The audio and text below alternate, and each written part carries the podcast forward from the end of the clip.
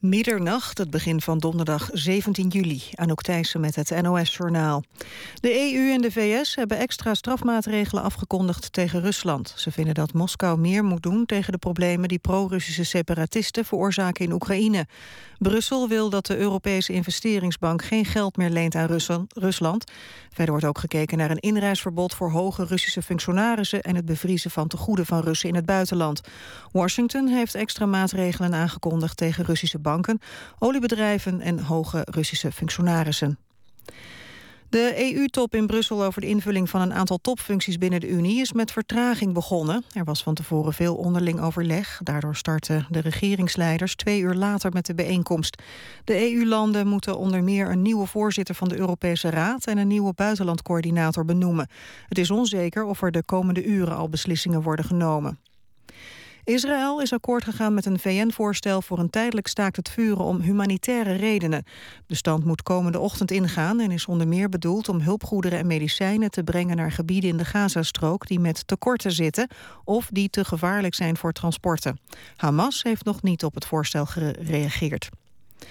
Bij een Israëlische aanval op de Gazastrook zijn vier Palestijnse kinderen omgekomen. Ze waren volgens ooggetuigen aan het spelen op het strand toen ze werden geraakt door een granaat. Het Israëlische leger doet onderzoek naar de aanval. De politie heeft een 15-jarig zwakbegaafd meisje gevonden dat sinds zondag werd vermist. Agenten troffen haar aan in een woning in de Haagse Schilderswijk. Het meisje maakt het naar omstandigheden goed. Vier jongens van 17 en 18 zijn aangehouden. Een van hen werd al door de politie gezocht. Hij was op camerabeelden met het meisje gezien. Het weer vannacht droog en helder en minima rond 14 graden. In de ochtend eerst enkele wolkenvelden, later zonnig. Het wordt 24 tot 27 graden. Vrijdag kan het lokaal 30 graden worden en op zaterdag nog hogere temperaturen. Dit was het NOS Journaal. Radio 1. VPRO. Nooit meer slapen.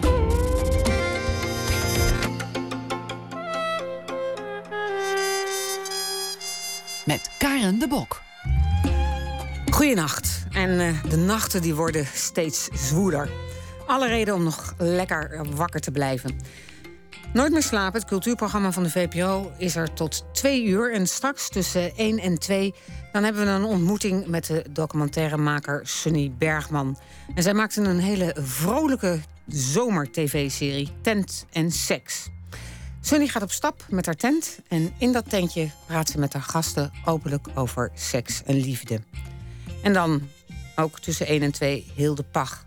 Zij promoveerde onlangs op een studie over de Nederlandse Jiddische pers in de 17e eeuw.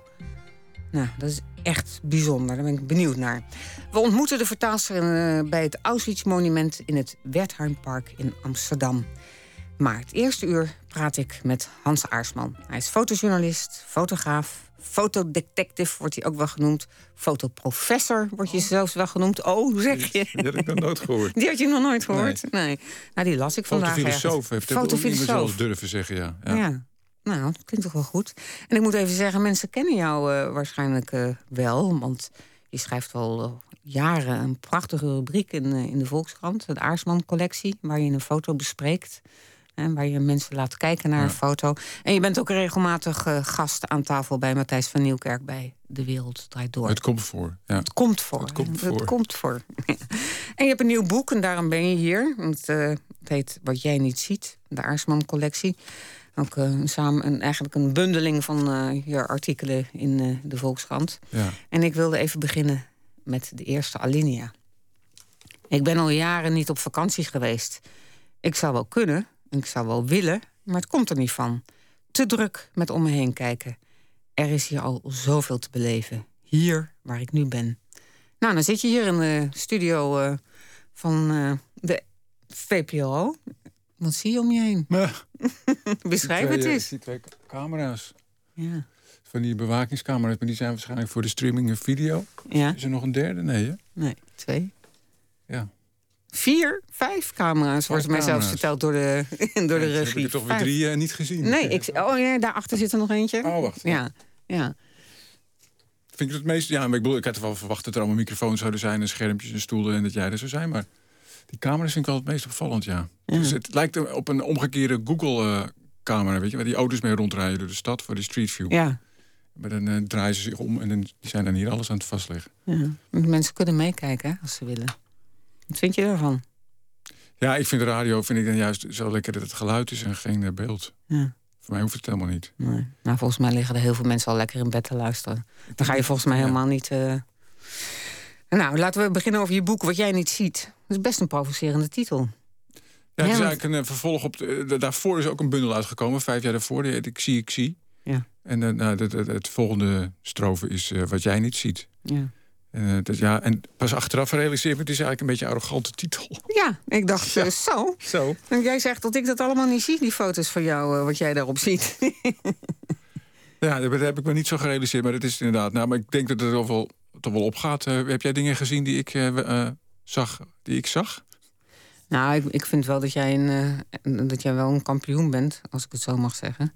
In, in, het, in het heel erg goed kijken. Hè? Dat, daarom noemde ik je net ook nou, een beetje grappende wijs. Een eh, professor in de fotografie.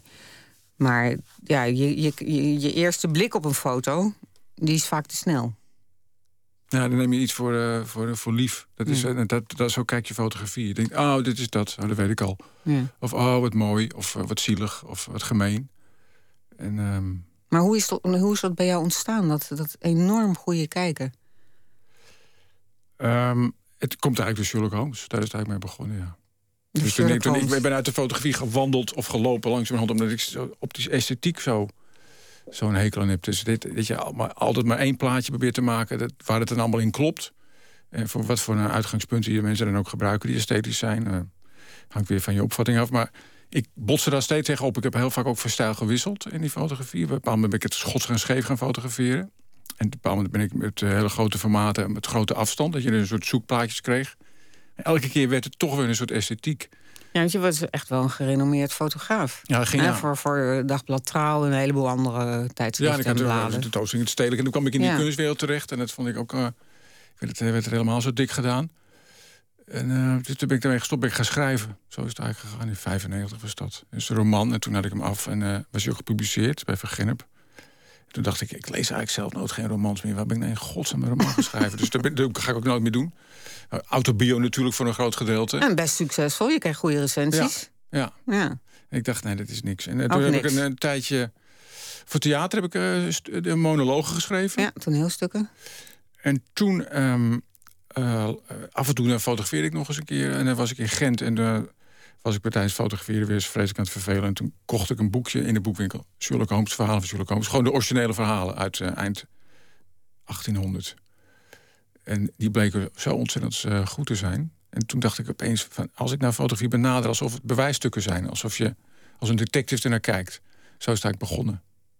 En toen was er is een website FotoQ, die, is die bestaat nog steeds. Daar had ik een column op en da- daar deed ik dat dan. En toen vroeg daarna dan de Volkskrant mij. En dat is nu tien jaar geleden. Echt zo. Maar, maar wat leerde Sherlock Holmes je dan precies? Want Ehm, niet iedereen kent hem meer. Jonge mensen weet ik niet of die nou nog weten wie Sherlock Holmes is. Nou, al die films. Je hebt de Ja, BBC-serie en die, met Ja, die, die dat is Robert waar. Dat is Downey. waar, ja. Het is de meest verfilmde personage ter wereld. In, eh, en, eh, ik geloof bijna 300 keer is hij verfilmd. En op tweede plaats is Sneeuwwitje met 97. Oké. Kun je nagaan. Ja. Ehm, nou, wat hij- leert is dat je dus de eerste indruk niet voor, eh, voor lief neemt. En dat je op, je op details concentreert. En dat je ehm vanuit moet gaan dat het, het leven zoals het is... vele malen eh, idioter is dan alles wat je kan verzinnen. Dat vind ik ook altijd een hele goeie. En dat als je een, een, een situatie goed begrepen hebt... dat je ook weet wat daarvoor gebeurd is en wat daarna gebeurd is. Dat is met fotografie natuurlijk heel erg zo. En dat je moet oppassen dat je niet eerst gewoon eh, je theorie hebt... en dan pas naar, naar je data gaat kijken, maar dat je het, al, dat je het omdraait. Nou, zo zijn een heleboel van die, van die wijsheden. Het, gaat eigenlijk over inductie en deductie. En een theorie die je dan weer met tegenvoorbeelden probeert om, omver te kegelen. Net zolang tot je uiteindelijk eh, de goede theorie hebt over wat er gebeurd is. Ja, want het is wel mooi wat je in het boek schrijft over Sherlock Holmes. De schrijver van Sherlock Holmes. Dat is ook wel een bijzonder verhaal. En die was arts. Ja. Ja.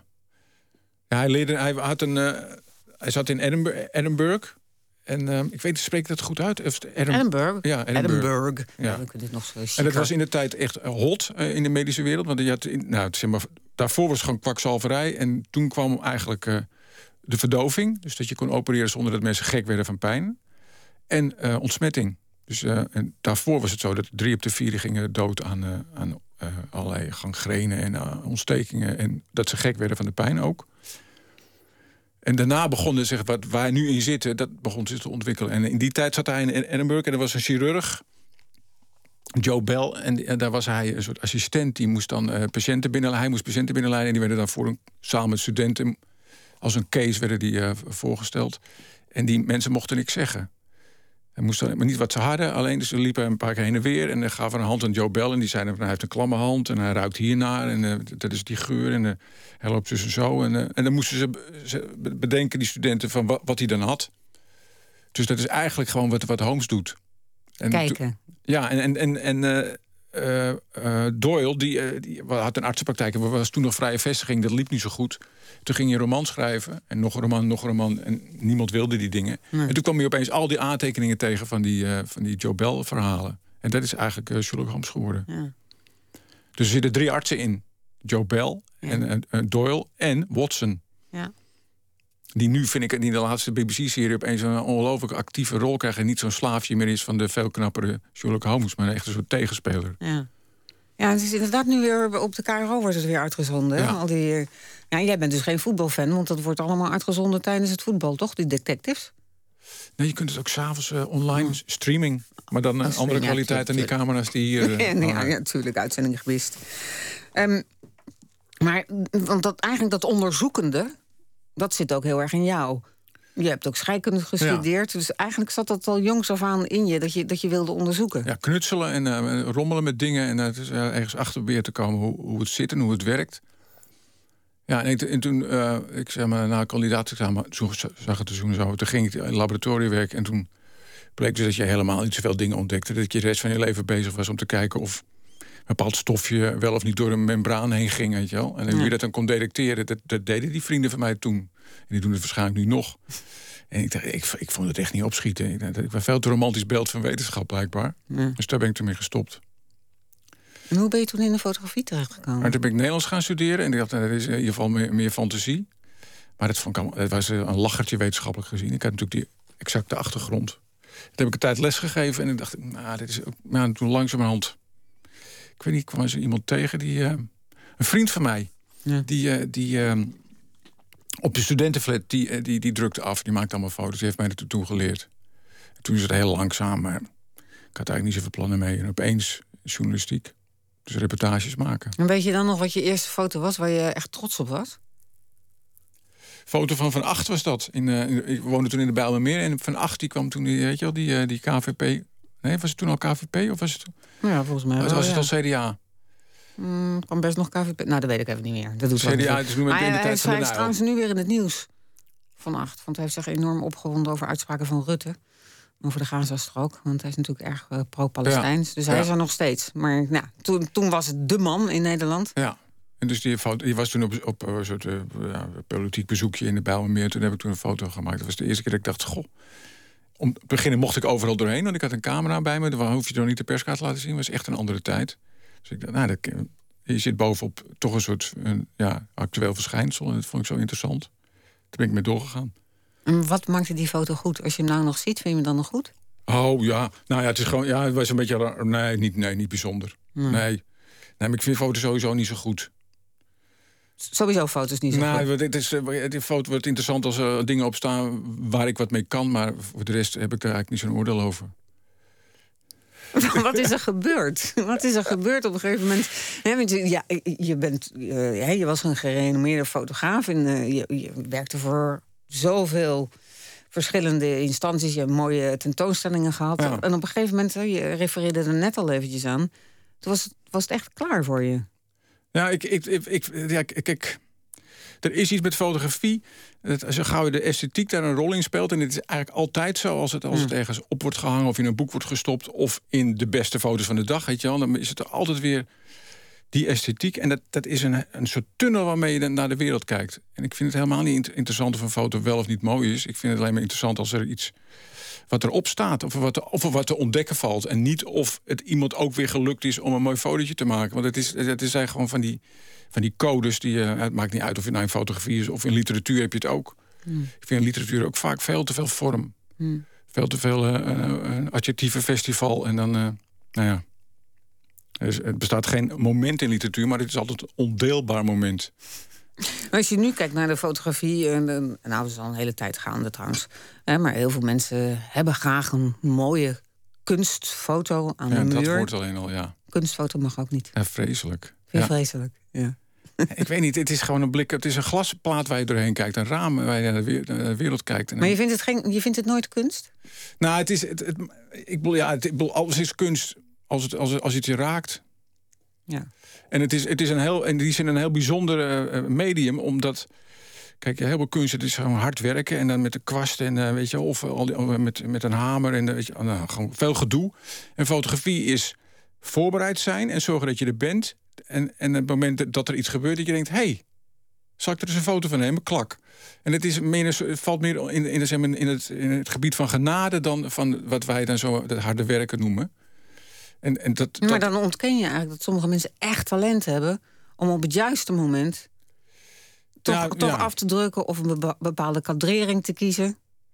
Ja, nou, het, het, zit hem vaak niet in die kadrering, maar het is nee. uh, dat je realiseert van... hé, hey, dit is een foto, dit ja. kan ik fotograferen. Vaak achteraf denk je, krijgt hij opeens veel meer betekenis... dan dat je op het moment van fotograferen uh, kon inschatten. Dus je krijgt heel veel cadeau. Zeker als je een beetje scherpe uh, dingen hebt, dan, nou, zie je heel veel details achteraf.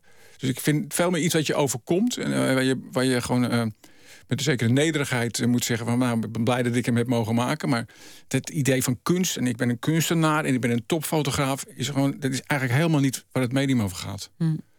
Nee, en wat je natuurlijk ook steeds vaker ziet... en dat is ook al wel jaren aan de gang... en ik vind dat zelf wel eens ingewikkeld bij World Press Foto... en de meest gruwelijke foto's... die dan toch ook weer eigenlijk heel erg mooi zijn om te zien. Ja, ja, en het, het is dat hele idee van... Het is een beetje een stokpaardje van, maar moet je oppassen. Maar kijk, als een foto op een schilderij lijkt... dan denken mensen dat de foto mooi is.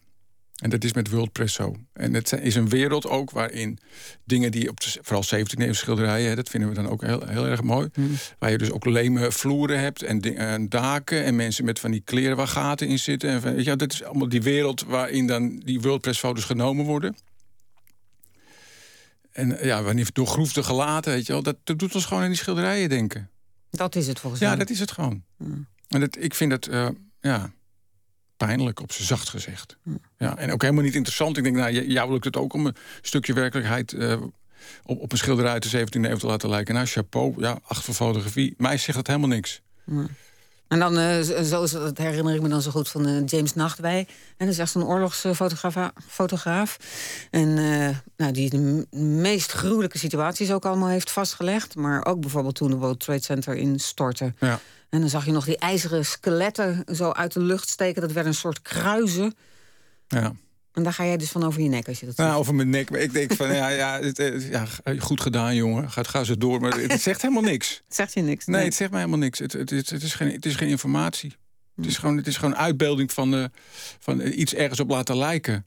Hmm. En, uh, het, maar het is op zichzelf al wat. En uh, het gewoon laten zien hoe het eruit ziet... vind ik wel interessanter dan dat je op je knieën gaat liggen... om het uh, ergens bovenuit te laten tornen... en dan een tegenlichtje waardoor het nog uh, meer op iets goddelijks lijkt. ja, ik vind het echt een zonde. Maak je zelf nog foto's? Ja, wel veel. Ja? ja. Maar ook puur echt als registratie. Maar waarvan dan, wat, wat zijn de laatste dingen? Heb je vandaag gefotografeerd? Uh, nee, heb je foto's stil oh, bij je eigenlijk? Ja, ik heb, ja, zit in mijn, gewoon in mijn, uh, in mijn, in mijn telefoon. Je, je fotografeert gewoon met je telefoon? Gewoon met, met uh, mijn telefoon, ja. ja. Heb je hem bij je? Ja, ik zit in mijn tas. Nou, ik pak hem even kijken wat, ja. wat nou... Oh, ik heb volgens mij net nog een fotootje gemaakt. wat was het nou? Um... En dat gaat er dus nooit meer uit, hè? Als je eenmaal oh, ja. fotograaf bent, volgens mij. Ja, dat zijn die, die, nu heb je van die posters. Er staat, luister nu en win tickets om hard te gaan op de vetste festivals. Weet je. En dan zie je twee meisjes die met, met hun tongen zo aan een knakworst likken. ik dacht, dat is zo'n mooi tijdsbeeld. Dat, uh, nou, dat fotografeer ik dan. En hier heb ik uh, op het uh, terrein van de krant... Hadden, zag je van het glas dat als een raam ingeslagen is van een auto, weet je wel, van die scherven die ja. zo liggen. Maar op een plek waar helemaal geen auto's kunnen staan. Dus dat, ja, dat ben ik nog niet uit het raadsel, maar daar heb ik, maak ik dan ook even een fotootje van. En uh, ja, ik fotografeer veel reclames. Gewoon dingen die, uh, die blijkbaar een rol spelen. Wat ik ook altijd doe als ik... Uh, ja, in Amsterdam heb je zoveel van die scooters. En als de wind verkeerd staat en je zit erachter... en die rijden ongeveer net zo hard als jij, net iets harder... en dan ja. zit je de hele tijd achter die stinkscooters. Ja. Wat ik dan doe is gewoon stop even. En dan maak ik een fotootje van waar ik stop. En dan maakt niet uit waar je bent Nee. Dat is ook een goed motief om... dat je dus niet... Ja, dat je er gewoon iets anders als aanleiding neemt om een foto te nemen... dan dat je denkt, hé, hey, foto. Ja. Maar je blij, jij bent constant bezig met kijken dus. Jawel, jawel, jawel, ja. Dat gaat er nooit meer uit. Nee, ik denk niet. Nee, nee maar, maar het, ja, ik ben ook constant bezig met dingen opschrijven. Zeg maar, alles is, is een. Het leuke is als je gewoon een beetje zo op scherp staat de hele tijd in je, in je, in je directe omgeving. Dat alle dingen op een plek vallen. Dat je denkt, hé, heeft het met elkaar verband? Dat is ook met die stukjes voor de krant zo. Je begint ergens aan en aan het eind wordt het, is, blijkt het weer een cirkel te zijn. Ik weet niet wat vandaan komt, maar elke keer lukt het weer. Kost wel een beetje tijd, maar... Ja. Maar ben je nooit zo zenuwachtig dan dat je denkt... oh god, mijn rubriek komt er weer aan, ik heb nog geen goede foto? Of is dat echt geen enkel probleem? Nou, het is altijd wel zo dat ik... Uh, zo dat ik, zie, ik, zie, dus al die foto's die op de krant binnenkomen... Hè, via, via die, uh, die uh, wire noemen ze dat. En dan zit je, zit je thuis achter je computer... Dan heb ik ingelogd, zit ik erop. Ja. En, en, dan zie ik er zo'n zo'n 5000 per dag. 5000 per dag?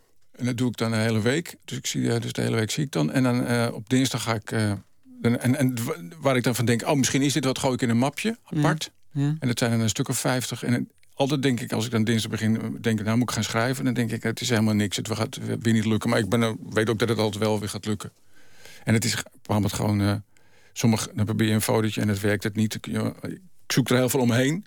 En ik probeer me erg te verplaatsen in wat ik... Dat is eigenlijk, de truc is eigenlijk dat je denkt, ik sta daar daar in die foto. Hoe voelt het? Is het koud? Is het warm? Uh, wil je weg?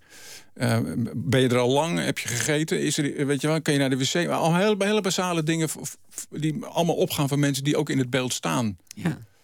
Nou, je verplaatst je echt even helemaal in. Ja, dat is, dat is eigenlijk de truc. Ja. Hier een, uh, ik wilde er toch eentje, eentje, eentje noemen. Die gaan we dan toch een beetje beschrijven. Dat moet jij dan maar eventjes doen hoor. Want dat vind ik zo'n uh, bijzondere foto. Hier. Kan je deze Oh. beschrijven? Ja, het is, je ziet op straat, zie je, uh, het is duidelijk een, een grootstedelijke uh, omgeving. Uh, Londen is het trouwens. En, dan zie je vijf dames die typisch met zo'n opgetrokken één beentje zo, zo staan. In een bijna een soort zwart badpak, maar het kan ook lingerie zijn. Volgens mij is het lingerie. Een lingerie. En ze hebben een, een trenchcoat aan. En ze zijn, nou zeg maar, jaren 40, 45. Dus het zijn al wat oudere dames voor modellen voor kleding. En Ja. rechts zie je dan een man met een rugzak... die waarschijnlijk er een foto van het nemen is... maar hij kijkt zo voorover en waarschijnlijk... In, de, in, in het kruis van die man, aan de achterkant, duikt een jongetje weg. Dat is blijkbaar de zoon van, van die man. En die schaamt zich heel erg dat zijn vader die dames aan het fotograferen is. Ja, die, die, die, die weet echt niet waar die blijven Ja, moet, hè? Hij is helemaal weggedoken. ja. Maar het is ook zo... Ja, wat, wat vind je, als je dit dan ziet... Wat denk jij dan over dat kind? En nou, ik, ik, ik denk dat hij, dat hij zich schaamt. En dan ga ik alle mogelijkheden af waarvoor hij zich dan schaamt. En waarvoor zou die zich schamen? Nou, dat, dat, hij, dat, dat, eh, nou ja, het zijn natuurlijk eh, zeg maar, vrouwen in de, in de categorie van zijn moeder. Ja, die gewoon daar in een BH en onderbroek Ja, staan. Voor, dat kind. staan. Die, die denkt niet aan lingerie. Ja. Dus dat vindt hij heel erg gênant. Maar misschien denk je ook weer, als mijn vriendjes me zien... dan, eh, dan word ik- weet je wel, dat, dat is dat besef dat je opeens hebt... als je, als je niet meer... als je niet meer het gezin waar je in bent de enige wereld is. Ja. Dan gaat het omhoog. Maar dit is, dit is er wel een als ik deze zie dat ik denk, nou, dit wordt hem. maar, dat- maar wordt dat heb hem. ik niet vaak. Nee, maar het is wel een hele uitgesproken natuurlijk. Ja. Ja. En het is wat ik ook, maar dit gebeurt ook heel vaak dat je dan persbureaus dat stuk er net afsnijden waar ik het dan, eh, waar ik in dit geval. Oh ja? Ja, je ziet heel vaak foto's dat je denkt, hé, hey, dit formaat klopt niet. Of de, en de resolutie is ook te laag, maar dan is er gewoon een stuk uit. Hebben ze een randje daarvan, want ze denken heel vaak, we moeten inzoomen op het belangrijkste onderwerp. Nou, ik bepaal ik niet voor zelf wat het belangrijkste is in een foto. En wat doe je dan? Is het onmogelijk om hem terug te halen? Nee, dan kun je niet. Nee, eh, je kan nee. dan niet op zoek gaan naar... eh, nee. nee. Nou, soms heb je van, eh, van één situatie, en het gebeurt eigenlijk heel vaak, meerdere foto's. Want wij, wij denken, eh, als we een foto zien, van nou, god dat die fotograaf er was. Maar vaak zitten ze in eh, groepjes. Zo ook die ene bekende die eh, die laatste Pulitzerprijs gewonnen heeft. Van, is hier, in Kenia was een aanslag en dan zie je een vrouw liggen met een, een zoon en een dochter... zo achter een counter van een espresso, espresso bar. Zo helemaal van boven Helemaal van gefotografeerd. boven, ja. En eh, eh, Tyler Hicks heeft eh, toen gewonnen. En als je dan go- goed kijkt in het aanbod... waren dus bijna dezelfde foto... de twee andere fotografen die ze op hetzelfde plekje gestaan hebben. Echt? Ja. Dus in die zin, weet je wel, pers is in die zin ook heel erg... Ja, maar dat is natuurlijk ook iets anders. Het wordt steeds meer nep, hè? Ja, nep. Ja, dus misschien het te hard woord. Nee, nep is het niet. Maar, ik zeg maar wat we elkaar vertellen is gewoon zo uh, gecodeerd. Het ligt zo allemaal in wetjes vast. Wat überhaupt het idee wat nieuws is, is al... Als je erover nadenkt, toch een beetje raar. Het is helemaal geen nieuws. Leg eens uit. Nou ja, het zijn vaak altijd dezelfde dingen. En nu zijn er allemaal weer dingen over de EU. Vind je dat nieuws? Wie, wie, wie er dan weer de nieuwe, nieuwe voorzitter wordt. Zitten ze over de bakkeleien? Uh, nou, Israël, Palestina, is dat nieuws? Nou ja. Dat is dat hele spel van dat, er, dat er weer een nieuwe, nieuwe mogelijkheden zijn, nieuwe ronde, nieuwe kansen. En hup, dan gaan we weten precies weer hoe het afloopt. En over tien jaar is het nog zo. Het zou nu zijn als er dus werkelijk wat gebeurde. een beetje cynisch, hè? Nee, nee ik, ik, ik heb het idee dat, uh, dat eigenlijk de, de, dingen weer die elkaar zouden vertellen... dat die, dat die uh, op een heel ander gebied liggen dan waar we eigenlijk naar zitten te kijken. En um, dus kijk, de fotografie ook. Ik bedoel, hoeveel... Uh, je hebt dagen dat er duizend foto's zijn van mensen, prijzen die mensen elkaar geven. Ja. Heb ik het niet eens over, hoe heet het allemaal, met die Oscars en zo. Maar gewoon ja, sport is driekwart, amusement is driekwart van het fotoaanbod. Ja, zoveel? Ja. Dus amusement en sport, dat is eigenlijk... Als jij al die 5000 foto's breekt, zitten heel veel van daarvan allemaal nee, bij. er zijn dus zo'n 16.000 ja. Per dag. 16 dus die, dat, dat, uh, kijk, sport, ik, ik, hou van sport, maar om het te doen. En het is ook, het is, ook, het is te gereguleerd en te veel op via bepaalde regeltjes om, om er iets interessants over te zeggen. En het is ook te weinig op te zien en te weinig onverwachte dingen voor mij. Maar ik hou van sport. Maar goed, die zet ik dan uit. En um, uh, alle celebs, dat zijn er vaak ook, zit je al op zo'n 2.000, 3.000 als het uh, beroemdheden. Dat is ook weer zo. Waarom zijn we zo met die beroemdheden altijd maar in de weer? Ja, geef jij eens wat antwoord. Ja, ik, ja, we hebben voorbeelden nodig, maar ja, ik zou dan toch... Ja, andere voorbeelden vind ik wel minstens zo interessant. Zoals? Nou ja, dit, dit is zo'n zo boekje van een, een, Engelse fotograaf... dat ik dan weer heel erg goed vind, Julian Germain. En die heeft een, uh, gewoon een man gefotografeerd die... Uh, uh, in een heel klein huisje woont en uh, zijn leven op een heel aangename manier leidt. Een man van 70, zijn vrouw is dood. En, en dat, ja, ze hebben dat leven, hoe, hoe je op een simpele manier iets van je leven maakt... zonder dat je en een auto en dit en dat en zus en zo allemaal nodig hebt. Al die dingen. Je bent meer op zoek naar authenticiteit. Ja, het is, het is, een, het is op een authentieke manier je eigen leven vormgeven, ja. Hmm. Ja. En, en je realiseren dat het eigenlijk wat het leven interessant maakt... gewoon voor je neus ligt. En dan, dan gaan die stukjes van mij over. Dat je het gewoon. Dat je als je langer kijkt naar iets, dat er veel meer aan te ontdekken valt. En dat je niet in een vliegtuig hoeft te stappen naar Mexico of God mag weten waar. Hmm. Hans Aarsman, we gaan even luisteren naar muziek. Dan praten we zo verder.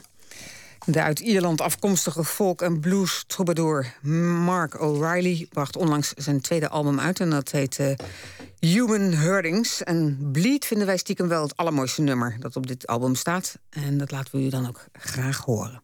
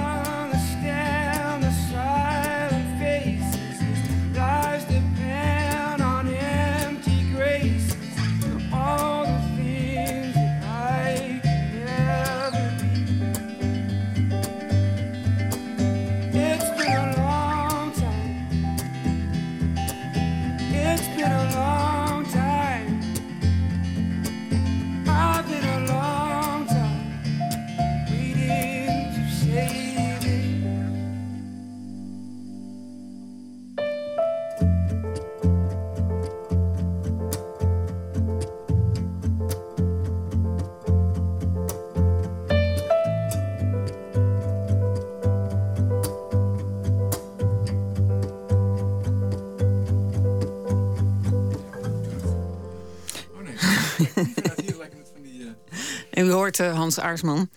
En hij is fotojournalist en uh, trouwens ook docent en schrijver. En er is een, uh, een mooie nieuwe collectie van zijn Aarsman-collectie... die in de, in de Volkskrant verschijnt wekelijks, is nu ook gebundeld. Daar hebben we het over. En terwijl de muziek liep, vertelde je dat je ook een enorme teller bent. En je ging net aan mij ook vragen of ik ook aan het tellen ben. Nou, ik tel niet. Maar wat, wat tel jij? Ja, van alles. Ik, we worden heel veel, uh, krijgen heel veel cijfers om onze oren om politiek beleid op af te stemmen en zo. Dus dan horen we weer dat het Centraal Planbureau heeft bedacht dat, het, uh, dat we maar 1% groei hebben. En dan, drie maanden later hebben ze bedacht dat ook bij het bruto binnenlands product dat er ook dan weer research bij hoort. Dus dan gaat het opeens weer omhoog. Weet je. Het is allemaal.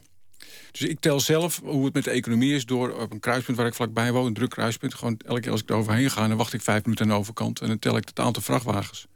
De grote jongens, maar ook de busjes en de vennetjes, die tel ik dan. Dat stop ik in de grafiek. Thuis, als ja. ik thuis ben. Ik doe het nu vanaf het begin van het jaar. En um, ja, we zijn nog niet in de crisis. Nee. Nee, we zijn nog niet in de crisis, nee. We zien een stijging van het aantal vrachtwagens. Nee, dit is gewoon. Je, hebt ook, je moet ook seizoenscorrecties doen. Dus zeg maar, vlak na de kerst dan is het altijd een dip. En uh, dat zijn allemaal van die bekende dingen. Dus dat, dat doe ik dan ook. En dan blijkt dus dat er gewoon uh, echt nog niks aan de hand is hoor. Gaat, gaat niet vooruit. Het gaat niet vooruit. Nee. Je bent geen man die uh, zich snel verveelt, volgens mij. Nee, ik zie overal wel. Uh, ja, ik zie overal wel iets. Uh, overal valt wel iets te ontdekken, ja. Vooral als je het gewoon. Zeg maar, tellen, dat is veel meer over een langere periode. Maar ik tel bijvoorbeeld ook. Um, daar is eigenlijk een beetje bij begonnen. In, in 2005 ben ik gewoon de munt uit de broekzak gehaald. Een maand lang opzij gelegd. En gekeken uit welke eurolanden die kwamen. Ja, toen 12 eurolanden. En in 2005 zat Griekenland er al niet bij. Dus die waren al voor spek en bonen en zo deed hij niet mee. Ja. Dus drie jaar van tevoren wist ik al dat... Dat Griekenland komen. Alleen door je muntjes elke avond uit je boek... Uh... Ja, zo'n maand lang gewoon te tellen van welke landen die kwamen. En je ziet ook bijvoorbeeld dat uh, het grootste hoeveelheid geld in je broek zakt... dat is, komt uit Duitsland. Ja. En dat, is ook niet voor niks, omdat we, gewoon, we zijn gewoon uh, achtertuin economisch van ja, Duitsland. Van Duitsland ja. Al, maar kijken, alle grote twee munten, twee euromunten, bijna allemaal Duits. Hmm. Het tikt lekker aan. En het, ik, ik doe dit zoveel. Ik heb er nu binnenkort ook een voorstelling mee. In de kleine comedie gaat hij in première in oktober. Ja, want je hebt al vaker voorstellingen gegeven, een soort colleges hè, over fotografie. Ja. Met ook veel humor erin. Ja, dat valt, ja, dat valt wel. En, ja. En, en dit, dit wordt dan. De volgende, het gaat over het tellen. Of... Dat gaat over het tellen, maar Ja. zit er ook nog fotografie in? Of, uh? Nou, we speelt een rol, want je kunt met fotografie ook tellen. Hoe dan? Nou, dat je gewoon, uh, het- bijvoorbeeld, ik, ik heb geteld uh, toen die strijd was tussen Romney en, en Obama, Ja. uh, wie de meeste baby's in zijn handen gedrukt kreeg en, en hoe die baby's keken. En, daar- ik wist dus ook al wie wie er zou winnen. Oh zo. Want had Obama meer baby's in zijn... Hij had meer baby's in zijn armen, er werden meer foto's van gemaakt. Ja. En die gaan allemaal, dat noemen we, ja, het is babytest. Ja. En Vrouwen hebben een hele grote invloed gehad hè, op de verkiezingen in Amerika deze keer. Ja. En die doen dan de babytest bij presidentkandidaten. Die willen dan even En weten. kijken of, ja, hoe die ermee omgaat. En dan besluiten ze, ik stem wel of niet voor hem. Ja. Ja. En, en kijk, een president moet natuurlijk en standvastig en, en stevig zijn, maar ook een zachte kant hebben. Dus dat wordt je nieuwe voorstelling. Ja. Ja. Ehm, de, de foto's, hè, de, de, de, de, de kiekjes. Eh, iedereen maakt foto's.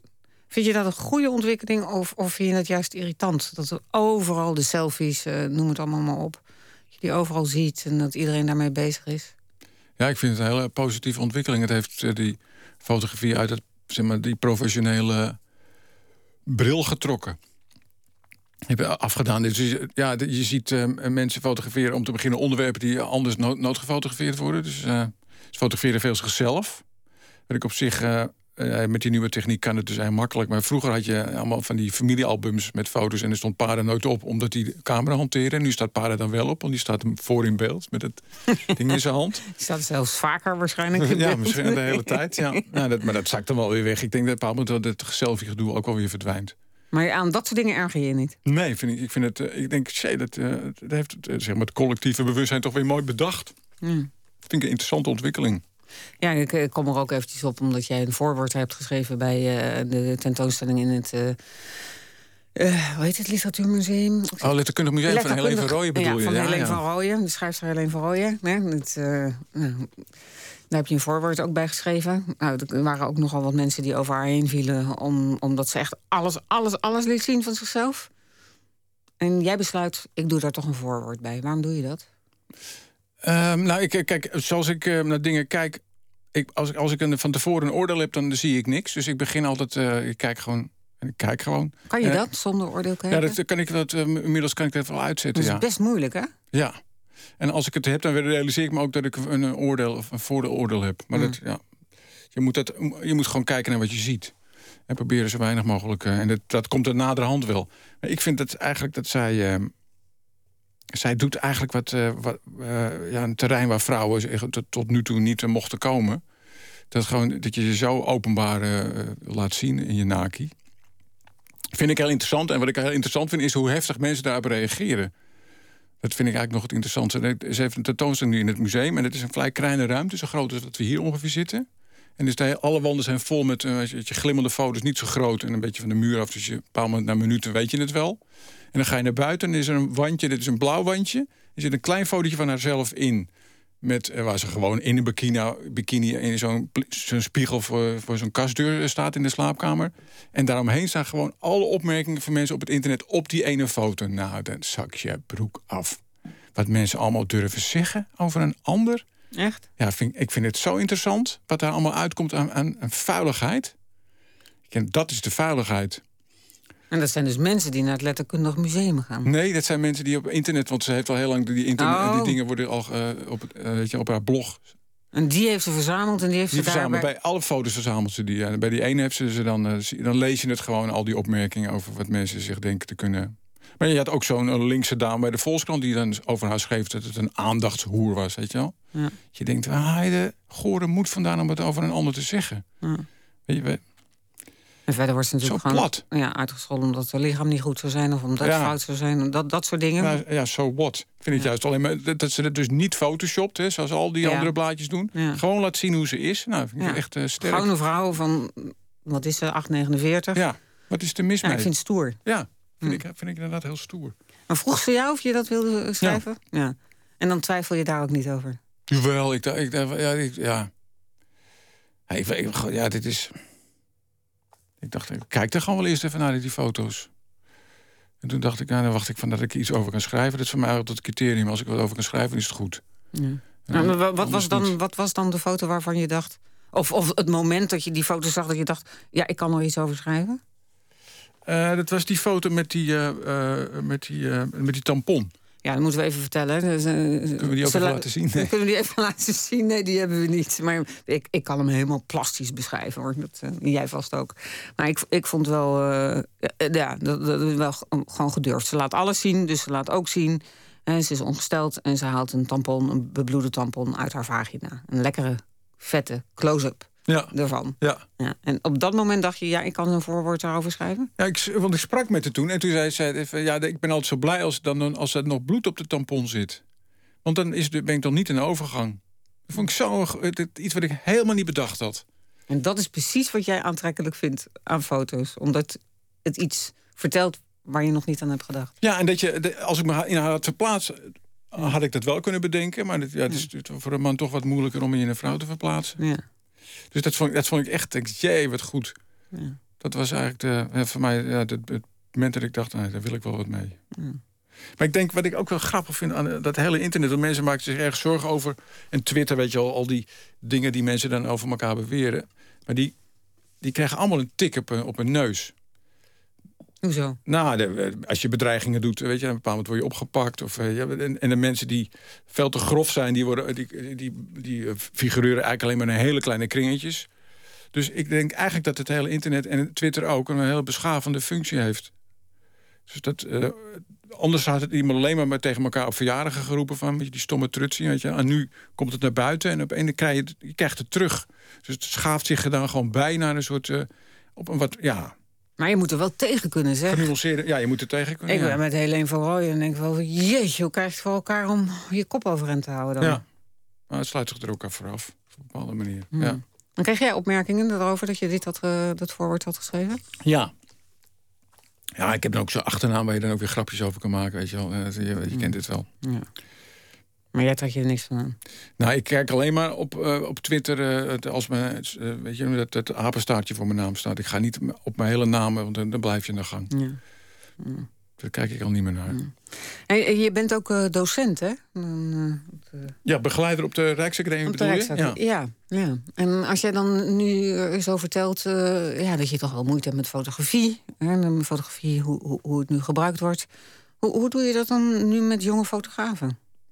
Eh, het zijn niet eens zozeer fotografen die ik eh, begeleid. Die zou je niet willen begeleiden? Jawel ook, maar het, het, het, het staat helemaal los van mij. Het staat heel, überhaupt los van het medium. Dus Hmm. eh, het gaat er meer om dat je... Ja, hier ben jij en daar is de wereld. En je hebt een soort... je geeft het op een bepaalde manier vorm. En of het nou film is of, of schilderen of fotografie... dat doet er verder niet toe. En ehm, daar heb je het dan over. En, dan- en dan hoor je op een manier vi- vang je op wat de bedoeling is... waar iemand eh, zijn gevoeligheid ligt en wa- wat hij wil. En dan nou, wat ik goed kan, is gewoon goed naar werk kijken en zeggen wat ik zie. Dat is eigenlijk, eigenlijk wat ik doe. Wat je doet. En dat check, dat check je dan met iemand zeggen, nou, wil je dit dan? En zo niet. Eh, hoe kun je het veranderen? Dat zijn eigenlijk de gesprekken. Het zijn gesprekken van een uur meestal. Met één zo'n kunstenaar op zijn atelier. Ja, dat is dat- bijzonder hoor. Het is heel, eh, Ja. het is heel bijzonder. Dan heb je er zo'n zes op een dag. Maar als je dan wel iemand ziet die gewoon echt eh, enorm bezig is met fotografie... en heel erg ervan houdt om echt heel mooie foto's te maken. Past Nou, dat dan bij jou? Nee, dat past niet bij mij. maar dan kan je wel je mond houden. Nee, natuurlijk niet. nee, maar dan, dan blijft het meestal bij één bezoekje. Oh ja? Ja, dan weet je, dan, weet je het van elkaar. Nou, dat, maar die, die zitten er bijna niet. Soms glipt er wel eens eentje tussendoor bij de selecties... maar dit zit er bijna niet de Rijksacademie, nee. Hmm. Mensen die op die manier... echt van die, op die klassieke manier van... Oh, eh, acht voor fotografie willen halen... die, die, die komen er eigenlijk niet. Hmm. Het, is veel, en het is veel ruwer en veel persoonlijker. Ik, ik, het heeft mij ook heel veel... eh blik op fotografie veranderd. Ja? Want als je bij een schilder binnenkomt, er liggen altijd stapeltjes foto's. Het is toch vanuit een soort onder- een thematiek of een onderwerp denken. Niet overschilderen, doen ze trouwens ook wel. Nou, het hele overschilderen van een foto eh, tot de schilderij is ook een heel interessant proces. Eh, je hebt allerlei manieren. Van, eh, Luc Tuymans, eh, die, die zal iedereen wel kennen. Ja, een die, Belgische Ja, kunstenaar. die doet dan acht Ja. keer schildert hij een- zo'n polderooitje over... totdat hij eigenlijk een schilderij heeft. En dat vind je mooi? Nee, ik hou er niet zo van. Nee, ik hou er niet zo van. Maar het zijn allemaal, het zijn allemaal technieken om, om iets met die fotografie te doen. Maar het zijn met die onderwerp, de figuratie is nu heel erg. Ja. Waar hou je eigenlijk wel van in de kunst? Ja, van, van- ja het, het enige criterium is of dingen me raken. Ja. En het kan muziek zijn, kan van alles zijn. Maar ik, het, je moet toch het gevoel hebben dat iemand niet gewoon denkt van... eh, ja, hoe word ik kunstenaar? Daar gaat het helemaal niet om. Je bent het al of je bent het niet. voor? Ja. Ja. Je, bent het, of je, je, je bent het of je bent het niet. En dan ga je gewoon door roeien en ruiten. Ja. Dus je, je leven gaat er ook naar staan. Maar, en, maar niet dat, dat gedoe van, ja, hoe is kunst? Nou, dan ga ik dat zo doen. Dat, ja. Ik- Of je het kan leren, vraag ik me ook. Of je kan, je kan, je kan wel begeleid worden. En op een of andere manier, door, door erover te praten met iemand die eh, wat meer ervaring heeft. eh, want het is ook heel collegiale, die gesprekken hoor. Het is niet echt zo dat ik de docent ben. Dat iemand die wat meer ervaring heeft, gewoon zeg maar, de dingen eruit pikken die, eh, die jouw weg zijn. Maar je moet het wel zelf herkennen. Ik las vandaag even wat anders hoor. Maar eh, ze, de fotograaf Willem van Soetendaal die heeft een prijs gekregen. Een internationale prijs. Want die heeft dan een boek samengesteld met foto's van Johan van de Keuken. Hè? Oh ja, dat boek. Ja. Wat vind je daar dan van? Ik heb, het, ik heb het niet goed bekeken, maar is, dat boek van, is dat niet het boek van Paris Mortel? Dat, die, eh, Ja. dat heeft hij op een nieuwe manier. Ja, ik vind hem een hele goede boekmaker. Ja. Ja. En je vindt het dan geen probleem dat de foto's zijn van Johan van de Keuken. En Willem van Soetendaal die stelt samen. En hij krijgt de prijs. Nee, ik vind eigenlijk dat ehm het de hele grote berg fotografie die er nu is, Ja. dat het veel interessanter is om verbanden tussen foto's aan, aan te brengen. En tussen echt te editen dan eh, dat je ze zelf maakt, want ze zijn er toch al. Ja. Dus het, het is veel meer dat je, wat je ontdekt in een foto en hoe je het op een of andere manier presenteert. Dat je denkt, oh, het, ja, als ik er zo naar kijk, dan gaat het daarover. Dan dat je zelf ook alweer met je cameraatje op pad gaat. Want het is er allemaal al. Eigenlijk vertel je met de foto's die er zijn weer een verhaal. Ja. En, het, het zit, en, en vaak zit het ook tussen het beeld in. Dus, zeg maar, dus hoe je dingen op elkaar volgen. Zo grappig, want wij zeg maar, in, ehm, in, in het Westen, in Europa... toen de fotografie werd uitgevonden, daar lag daar de schilderkunst naast. Hè. Dat werd gelijk uh, Ja. eh, is ook tweedimensionaal. eh, weet je wel. Ja. Ook een, eh, een li- lijstje erom, een randje eromheen, een kader eromheen. En ehm, daar werd, is het al mee vergeleken. Maar in Japan bijvoorbeeld, daar hadden ze veel meer de prentkunst. En Ja. het ging altijd al in boeken. En zij denken daar veel meer vanuit boeken en fotografie. Het is een heel interessant eh, verschil. Ze hebben daar tot voor kort, nu worden ze ook steeds Europees... tot voor kort hadden fotografen ook geen tentoonstellingen met dingen aan de muur... maar ze maakten boeken. Hm. Er was een Araki of zo, die, ik geloof dat hij al 1500 boeken gemaakt heeft. Maar dan niet zomaar thuis en zelf in elkaar plakken... en echt uitgeven. Dus dat is een heel andere... En die zijn veel verhalender met fotografie bezig. Dus die zoeken veel meer het verband tussen beeld... en niet dat ene fotootje dat helemaal klopt. Sla je een pagina om, weer een fotootje dat helemaal klopt. Weet je wel? Ja. 40 maal en 8 voor fotografie zijn niet zulke goede boeken. We hebben een, een, een fragment hè, wat je zelf eh, Oh, ja. graag wilde, wil- wilde laten horen.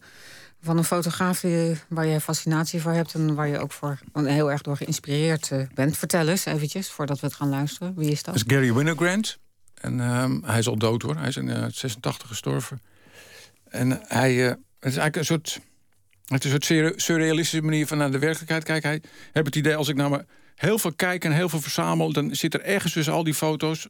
En dan fotografeer hij altijd banale dingen. Hè? Mensen op straat met, eh, met boodschappentassen. eh, midden in New York, maar waar dan ook. Gewoon, een, eh, gewoon geen dingen die, waar die al poëten zijn van zichzelf, maar vrij platte dingen.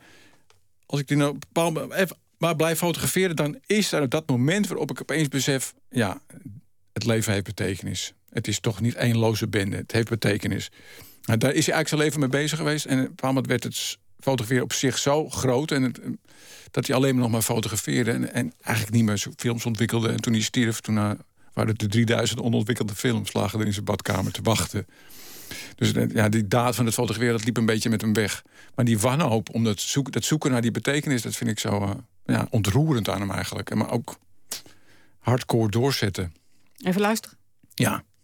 most photographs are are of life, you know, whether it's uh, uh, of what goes on in the world, and that's boring generally. Life is life is banal, you know. Uh, let's say an artist deals with banality. I don't care what the discipline is. And how do you find the mystery in the banal? Well, that's what's interesting. I mean, uh, there is a transformation. You see, by just putting four edges around it, you get a trans. There is, it changes it. Hij zegt dan dus: eh, Nothing as mysterious as a fact clearly described. Dus eh, een feit dat je gewoon goed helder neerzet, hè, eh, beschrijft, dat is op zich al een, raadsel. Dat kan eigenlijk helemaal niet. Maar het- wat hij zegt, nou, dus je zet dus een kader, wat een foto ook doet, je zet een kader om een stukje werkelijkheid. En, ehm, en, en dat tilt dan die, transformeert die werkelijkheid naar een andere betekenis. En dat is eigenlijk waar hij- zijn hele leven mee bezig is geweest. In de hoop dat er echt een zinvolle betekenis uitkwam. Maar die, dat is niet echt gelukt. Maar dat, is, dat vind ik ook de mooie het wanhoop van die poging zo goed erin. En maar doorgaan. Ja, en maar doorgaan. Ja. En, en als er een tentoonstelling is, want hij heeft nooit uit zijn eigen boeken samengesteld of zijn eigen tentoonstellingen. En vooral nu hij dood is, dan zijn er curatoren en die gaan dan in die hele grote stapel van miljoenen foto's van hem selecteren. En dan komen ze altijd met, ja, het zit natuurlijk ook wel een Cartier-Bresonnetje tussen, tussen al die opnames die hij doet. Maar daar was hij niet mee bezig. Maar die komen dan aan de wand te hangen. Dus dan krijg je weer die codering van wat wij mooie Maar foto's moet doen. jij je daar niet eens op gaan storten Ja, dat zou, dat zou ik dan wel eens willen, ja. Ja. ik ga, dat, is- dat is wel een soort eh, fantasie voor mij. Dat, Ja, dat zou doen. toch prachtig zijn? Ja. Dat jij gaat samenstellen, zijn verhaal vertelt... ja, zoekt. ik ben degene die me echt begrijpt. Je Ja. Dat ook weer Ah, zoiets. ja, dus zo arrogant moet je gewoon af en toe zijn, toch? Ja. Maar hoe pak je zoiets aan dan, als je dat wil? Ben je serieus erin? Dan moet je er achteraan. Ja, ik, Ja. Heb, ik heb wel eens geprobeerd, dat is ook zo grappig. Eh, want hij heeft één contactveld, dat vind ik het mooiste. Dus het gaat hem helemaal om het geheel. En dan zie je Ja. hem in de auto zitten. Hij fotografeert ook vanuit de auto. Zo een raampje open en knal, knal, knal. En iemand anders stuurde, dan zat hij ernaast. Dan zie je een stukje van de autospiegel en een stukje van het kader van het raam. En eh, een van de dingen waar hij op- mee bezig was... van hoe ver kan ik van een onderwerp blijven... terwijl het toch nog het onderwerp blijft. dus dat, die grens van eh, dat je Ja. zo ver weg bent... dat je denkt, waar gaat deze foto over? En dat het net nog dat die vrouw met die kinderwagen... het onderwerp van de foto is. Dat, dat zocht hij naar. Dat vel, het is net alsof iemand van, een- van een andere planeet... op de, op de aarde komt. Het is echt te gek. De auto's die dansen over de, over de stoepen heen... heb ik geprobeerd te kopen. Dat, dat, maar hij is nu bij een galerie, die zijn er helemaal niet in geïnteresseerd. Nee, die willen dat ene Cartier-Bresson-achtige toevallige fotootje wilden ze wel kwijt. Maar dat contactvel Maar, maar waarom, Dat gaat je niet lukken. Dan gaat je niet lukken om dat te kopen. Nee, is me niet gelukt. En ik heb het via echt een officiële galerie geprobeerd. Maar eh, dat, nee, dat En, is- en, en als je echt een boek zou willen maken, dan moet je met die erven aan de gang natuurlijk. Ben je al ja, bezig? je- nee, nee, nee, nee, nee, nee. Ga je het wel doen of is het Nee, een nee, droom? dit is een fantasie. Ja. is een fantasie. Maar het- als het balletje mijn kant op rolt, dan, dan, dan, eh, dan, eh, spring ik erop. Ja, want eh, je, de, de, de, de rubriek en wat je nu doet met de foto's en zo, dat doe je nu tien jaar. Ja. Kan je eindeloos mee doorgaan ook. Heb je, er, heb je er nog net zoveel plezier in als in het begin? Ja, dat, dat, dat verandert niet. Nee. Nee, dat verandert niet. Het is al, nee, dat, dat- dat- ik vind het ook gek, want ik ben al, altijd al snel verveeld met dingen. Maar eh, nee, dat, voor mij is het ook een wonder dat ik het al tien jaar doe. Nee, het verandert. Nee, het blij- blijft eh, kicken. Ja. Dat je, gewoon dat je gewoon zoveel ontdekkingen kan doen in zo'n plaatje. Ja, ik begreep ook dat je het ook eigenlijk wel internationaal zou willen doen, hè? Dat je best eens een- met een buitenlandse krant eh, zo'n rubriek ook zou willen doen. The Guardian lijkt me echt te gek. Dat je dat, eh, want, het, want het is toch allemaal internationale beelden Ja. die dit zijn. Het is allemaal internationale persfoto's. Soms was er iets Nederlands tussen, ook in het boekje. Maar het is meestal internationaal. Ja, het zou, het zou echt te gek zijn als het... eh, Maar dat is nog niet gelukt. Nee, we proberen wel eens wat te prikken hoor, in de richting via via. Ja, ik ben er ook niet zo goed in. je moet eigenlijk een beetje een agent hebben. een die dat- agent hebben, ja. Volgens mij Ja, is dat een goede, goede taak voor een Ja, agent. en dan om gaat hij dit dat soort ook gelijk dingen. met die het regelen. Ja. Ja, precies. En dan heb je dat ook weer rond. Ehm, we begonnen over de vakantie en ik eh, wil nu ook een beetje eindigen met de vakantie. Heb jij vakantiealbums met vakantiefoto's, ook van vroeger? Nee. Nee? Wel met mijn ouders heb ik wel eens wat dingetjes Ja? ingeplakt, maar eh, daarna niet. Nee. Nee, heb ik niet. Heb je foto's van vroeger van je ouders? Want je ouders leven niet meer. Ja, ik fotografeerde toen ik met fotografie begon, fotografeerde ik mijn ouders heel veel. Ja? Ja. Ja, ik heb, eh, ik heb toen ook eens een keer een opdracht gedaan voor het Rijksmuseum. Dat was eh, weet je, van die grote documentaire opdrachten. En dat ging dan over geloof in Nederland. En de foto waarmee ik die opdracht uiteindelijk kreeg... was een foto van mijn vader die elke avond, voordat hij eh, ging slapen... altijd knielend op, voor een stoel ging bidden. In zijn pyjama. Een heel in de huiskamer. gezin. Ja. Dat was heel leuk. Want, en die heeft toen in het Rijksmuseum gehangen. En hij was dat supposed in die tijd. Want hij had een slagerij, maar die liep een moment helemaal niet meer goed. Dus de laatste vijf jaar van zijn werkende leven was hij supposed in het Rijksmuseum. Hij was eerst slager. Ja, en, dan- maar de- bij het Rijksmuseum werkten toen allemaal m- mislukte middenstanders.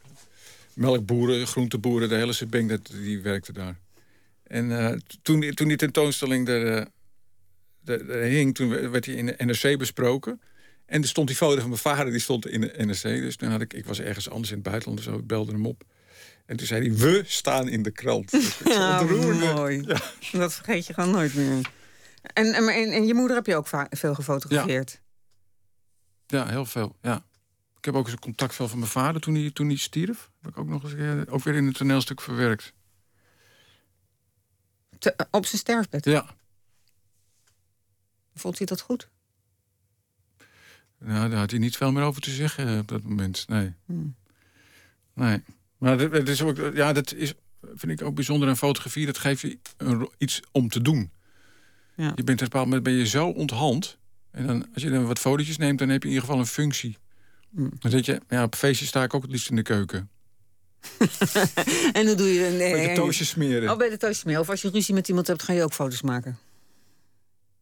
Nou, als ik eraan denk wel. Maar vaak word je door de handeling zo eh, opgezogen dat je helemaal vergeet om, eh, om, om te fotograferen. Maar dat, dat maakt je een goede fotograaf, dat je denkt, hé, hey, dit is er één. Ja, Zo is dat camera. een... Ja, dat is, daar gaat het eigenlijk om. Dat Hmm. besef. Hmm. En dan niet dat het een, een, een ondergaand zonnetje is met een eh, gele tor op een groen blaadje, weet je wel. Dat, dat wat mensen mooie foto's denken te zijn. Maar dat je gewoon iets waardoor er weer wat open gaat staan in wat we, wat we denken te weten van de wereld.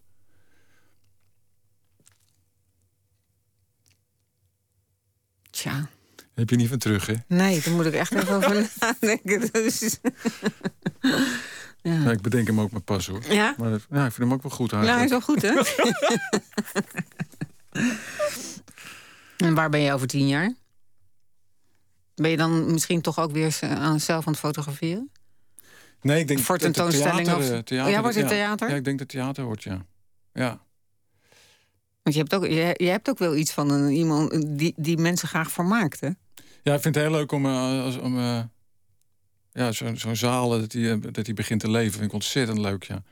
En, en het is ook zo dat je door dingen te vertellen... Ja. dat je daar ook je gedachtegangen zich ontzettend ontwikkelt. Zeg, uh, dus een Winnekrant is ook iemand die heel veel uh, over, over De fotograaf, ja. Maar uh, zeg maar, alle zo iemand als Feynman, de grote natuurkundige... Die, die, die heeft zijn nieuwe theorie over de kwantummechanica... waar hij de Nobelprijs mee gewonnen heeft... heeft hij ontwikkeld door juist, waar iedereen zijn neus voor ophaalde... eerste studenten natuurkunde, de kwantummechanica uit te leggen. Dus het is heel erg goed om, om, om wat er in je kop zit... op een of andere manier voor een publiek zo te vertellen... dat het mensen amuseert en boeit en dat ze, dingen, dat ze het ook begrijpen dat, dat dan ontwikkel je uh, je gedachtegang heel erg mee. Dus eigenlijk ben je steeds socialer geworden. Ja. Want als, als fotograaf ben je soms niet zo sociaal. Hè? Dan sta je achter dat ding.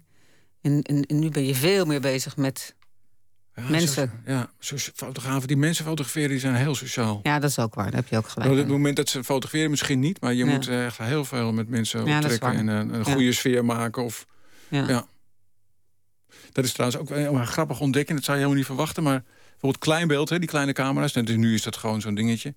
Ik heb toen, uh, toen uh, heel veel met 4 bij 5 inch. Het is een hele grote camera. Zit je op een statief met een zwarte doek over je kop en zo. En je denkt, als je met zo'n ding gaat fotograferen... dan ben je opvallend. En als je inderdaad het ding neerzet, dan roept iedereen... Ah, de camera van je opa. Op het moment dat je de opname maakt... zijn ze je vergeten, ben je een soort notaal ja, geworden. Dat is waar. Zo, zo, weer zo tegenovergesteld van wat je verwacht. Ja. Nou, het uur uh, is voorbij geschoten. Ja, dat ging snel. Ja.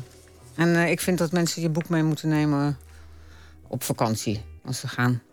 Nou, ligt het hier ineens niet meer. Heb jij het ingepikt? ik... ik heb er hier nog wel eentje. Oh, hier. Ja, verdomd. Die pagina is dat hier wel zien. Ja, nee, precies. Met die uh, lounge. Wat jij niet ziet. Hans Aarsman was dat. En uh, u luistert naar Nooit meer slapen. Zo dadelijk naar het nieuws uh, zijn we terug. Onder andere uh, een gesprek met documentairemaakster Sunny Bergman... Uh, over een nieuwe tv-serie Sex en Tent. Tot zo.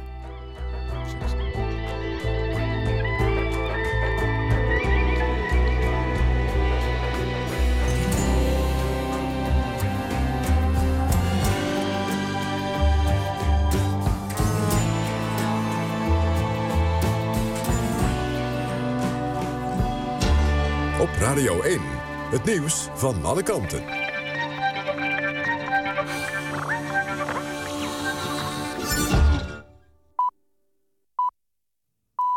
1 uur, Anouk Thijssen met het NOS-journaal.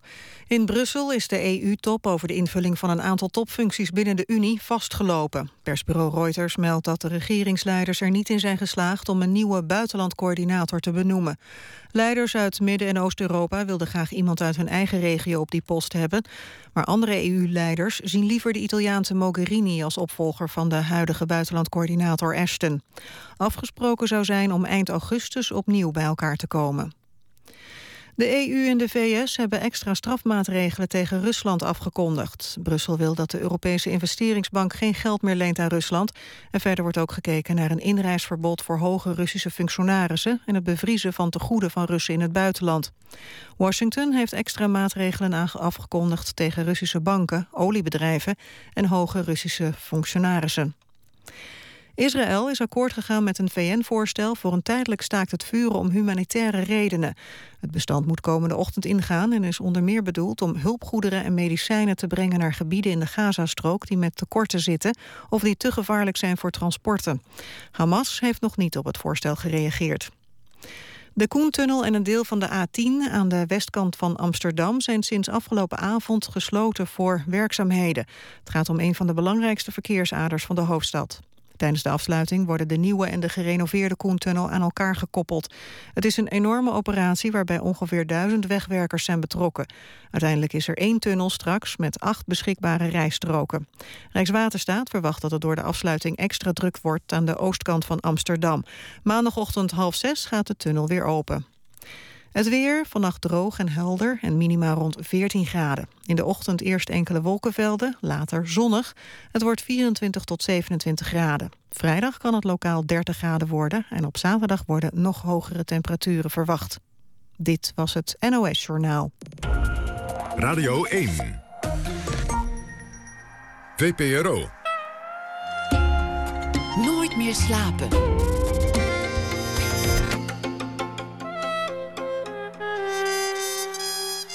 Met Karen de Bok. Nog een uur lang het cultuurprogramma van de VPRO. En straks verplaatsen we ons naar de tuin van documentairemaker Sunny Bergman.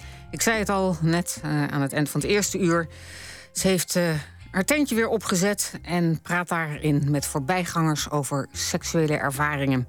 En de resultaten die zijn uh, te zien in de vierdelige televisieserie Tent en Seks. En met vertaalster Hilda Pach praten we over iets geheel anders. Namelijk de Nederlands-Jiddische pers in de 17e eeuw. Maar niet eerder voordat we Joost van de Kastelen hebben gesproken. En deze week schrijft hij namelijk elke dag een kort verhaal. En de in Brussel wonende schrijver is ook uh, komiek. Tot voor kort was hij in de theaters te zien met zijn comedyshow in onaanvaardbare staat. En hij is ook nog eens een zeer productief schrijver. In vijf jaar tijd publiceerde hij maar liefst vier romans. Goedenacht, Joost. Hallo. Hallo. Wat is de titel uh, van, uh, voor vanavond? Uh, de titel is... Um, goh, hebben we dit weer.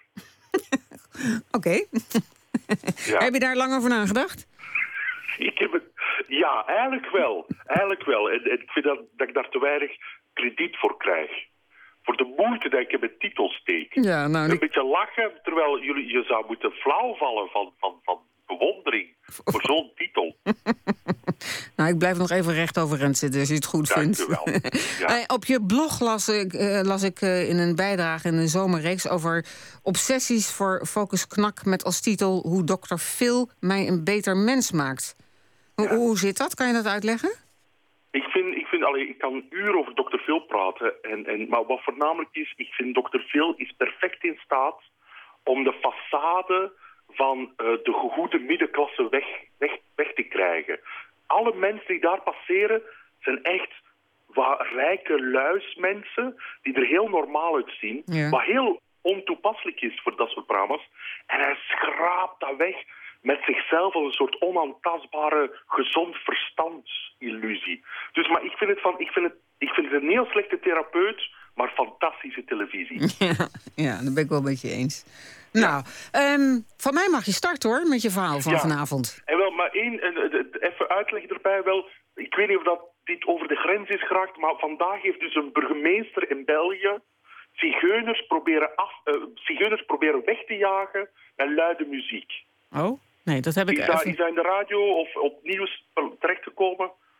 Nee, ik, heb het, ik heb het niet gehoord, maar ik moet je zeggen dat ik uh, de hele dag bezig ben geweest uh, met allerlei andere dingen. Bij cultuur. Ja, bij cultuur, met niet met de wereld, maar bij nee, cultuur. Nee, dat nou goed. dank dat je me redt, zeg. maar een burgemeester die heeft dus... Zigeuners proberen weg te jagen uh, met luide muziek. Hij heeft een DJ ingehuurd om zigeuners weg te jagen. Nou ja, en daar gaat je verhaal over. Ja, en ik heb, dit is een brief uh, gericht aan de DJ. En het haalt als volgt. Beste DJ Jos. Eerst en vooral proficiat met jouw artiestennaam. Van alle mogelijkheden in zaken alter ego, zoals DJ Ik Doe Maar Wat, koos jij voor iets authentieks. En je veranderde jouw naam Jos Thijs in DJ, DJ Jos. Want jij doet het voor de muziek, niet voor de faam. Maar vandaag ben je beroemd, jongen. Want vanmorgen belde de burgemeester van Landen jou op en vroeg... Jos, doe jij nog altijd die irritante set zoals bij dat huwelijk van Johan? Ja, meneer de burgemeester. Dat is goed, Jos. Kun jij dan straks die heel luid afspelen op dat industrieterrein om die zigeuners weg te jagen? Ja, meneer de burgemeester. En moet ik anders nieuwe nummers zoeken? Nee, Jos. Doe gewoon dezelfde jaren tachtig shit als altijd, Jos. Of zoiets. En toen zagen we de beelden. En hoe je daar stond, Jos. Achter die gigantische luidsprekers. De Dire Straits. Oeh, oeh, oeh, het hard afspelen. En er waren dansende Roma-kinderen. Voor jou. En buurtbewoners die aan het meeklikken waren. Heb je jezelf kunnen tegenhouden, Jos? Om te roepen, waar zijn die handjes? En de burgemeester is tevreden. Want het wegjagen is gelukt. Want ze blijven staan, de caravans. Gewoon een dagje minder lang. Proficiat, DJ Jos. Je hoort nu bij die illustere lijst.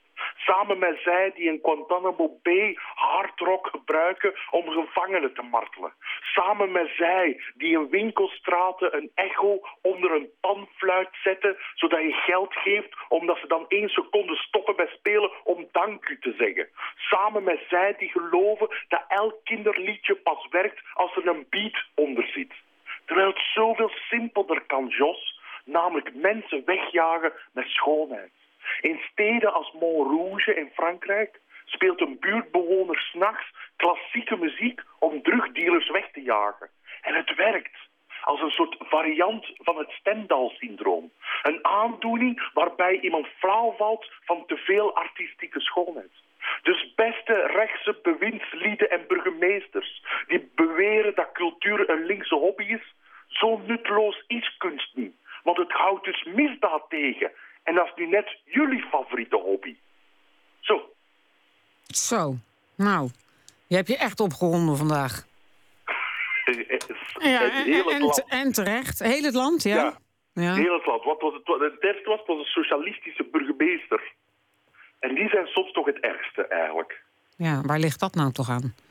Ik weer een soort compensatiedrang. Ja, ja. Nou, bedankt dat je ook dit nieuws uh, op deze manier in Nederland hebt gebracht. Ja, ik vond, ik vond wel kloppen na het journaal nog even dit nieuwsfeit. Ja, dankjewel. Ja. ja, ga maar naar je tent. ja, dank. en een goede nacht nog, hè? ja, dankjewel. dankjewel. Morgen is hij er weer. Finn Greenell is eh, de man achter het project Fink. En hij maakt in zijn muziekcarrière een opvallende switch. Want jarenlang was hij namelijk eh, actief als DJ en producer. Tot hij op het album Biscuits for Breakfast zijn kwaliteit als singer-songwriter liet horen. En in die hoedanigheid horen we hem dan ook terug op zijn nieuwe album Heart Believer. En daarvan draaien we Keep Falling.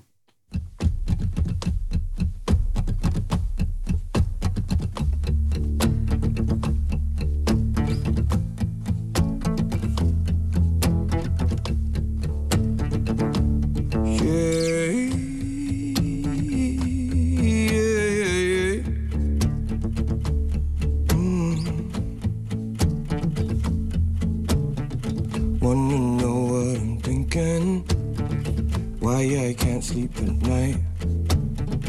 Wanna know what I'm drinking? Double love and nothing's fine. Cause I'm alright now. Cause I'm alright. I'm alright. Mm. Wanna know what it feel like to be so far from home. I've been on the wrong side, baby, for so long that it feel right now, and it feel right, it feel right. Mm. Keep falling until you can't fall no more, until you feel like You've been falling for way too long. Then you will know about me, baby. You'll know about me.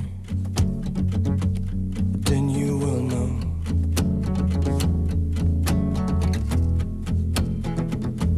About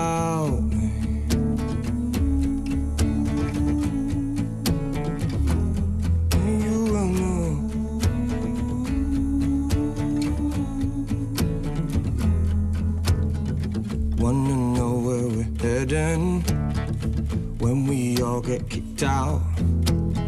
I see you carefully treading on the fire I already put out. That's alright, no? That's alright. That's alright. Mm.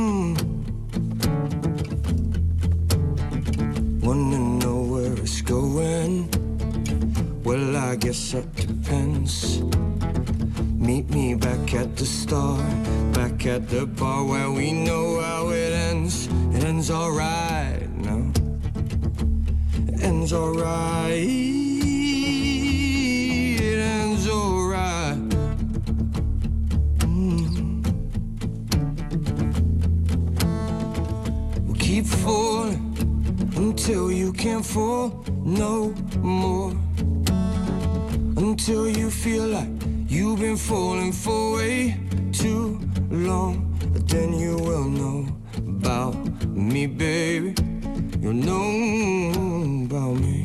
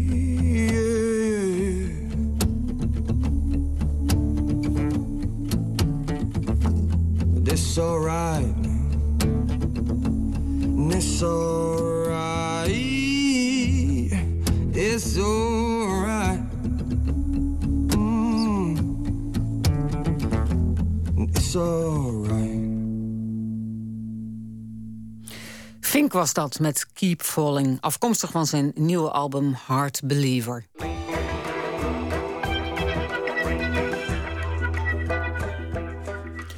Net als in haar vorige film heeft documentairemaker Sunny Bergman weer haar tent opgezet om over seks te praten. De vierdelige serie Tent en Seks is een spin-off van de documentaire Sletvrees. In verschillende wereldsteden spreekt ze met jong, oud, homo, hetero of trans over hun seks- en liefdesleven. Sunny Bergman die maakt al eh, meer dan 15 jaar films. Bijna allemaal voor de VPRO. En in 2007 zorgde ze nog voor wat ophef en beroering met haar documentaire Beperkt Houdbaar. En dat ging onder andere over de houdbaarheid van haar eigen lichaam. En daarna volgde nog Sunny's Hart of Seks en vorig jaar dus Sletvrees. Verslaggever Nicole Terborg ontmoet Sunny bij haar thuis in Amsterdam.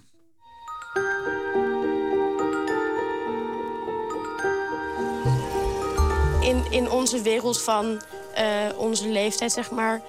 dan weet je, weet je dat er mensen zijn die naaktfoto's vragen... of die rare dingen van je vragen. Maar, maar volwassenen hebben denk ik niet echt door... Dat dat, is echt- dat er dat soort mensen Ja. Want er zijn echt mensen die echt de meest rare dingen tegen mij hebben gezegd. Zoals wat? Ehm, wil je me pijpen in een park? Of, eh, Stuur foto's van je tieten of zo. Ja. Het is best wel moeilijk hoe je met jongeren moet praten over seks. Wat? Nee, maar Jordan, begrijp je dat? Het is best wel moeilijk hoe praat je met jongeren over seks. Jij gaat ook altijd lachen als ik iets zeg. Toch? Zeg maar, kijk, ik zeg... be- Zie je? Je begint nu al te lachen. van de woonkamer buiten hier in, eh, in jullie tuin. Ja. En net een eh, gesprek over seksuele opvoeding met je tienjarige zoon. Ja. Ook een van de afleveringen of thema's van jouw nieuwe serie, hè? Tent en seks. Ja. Is het nou moeilijk om met je zoon over seks te spreken?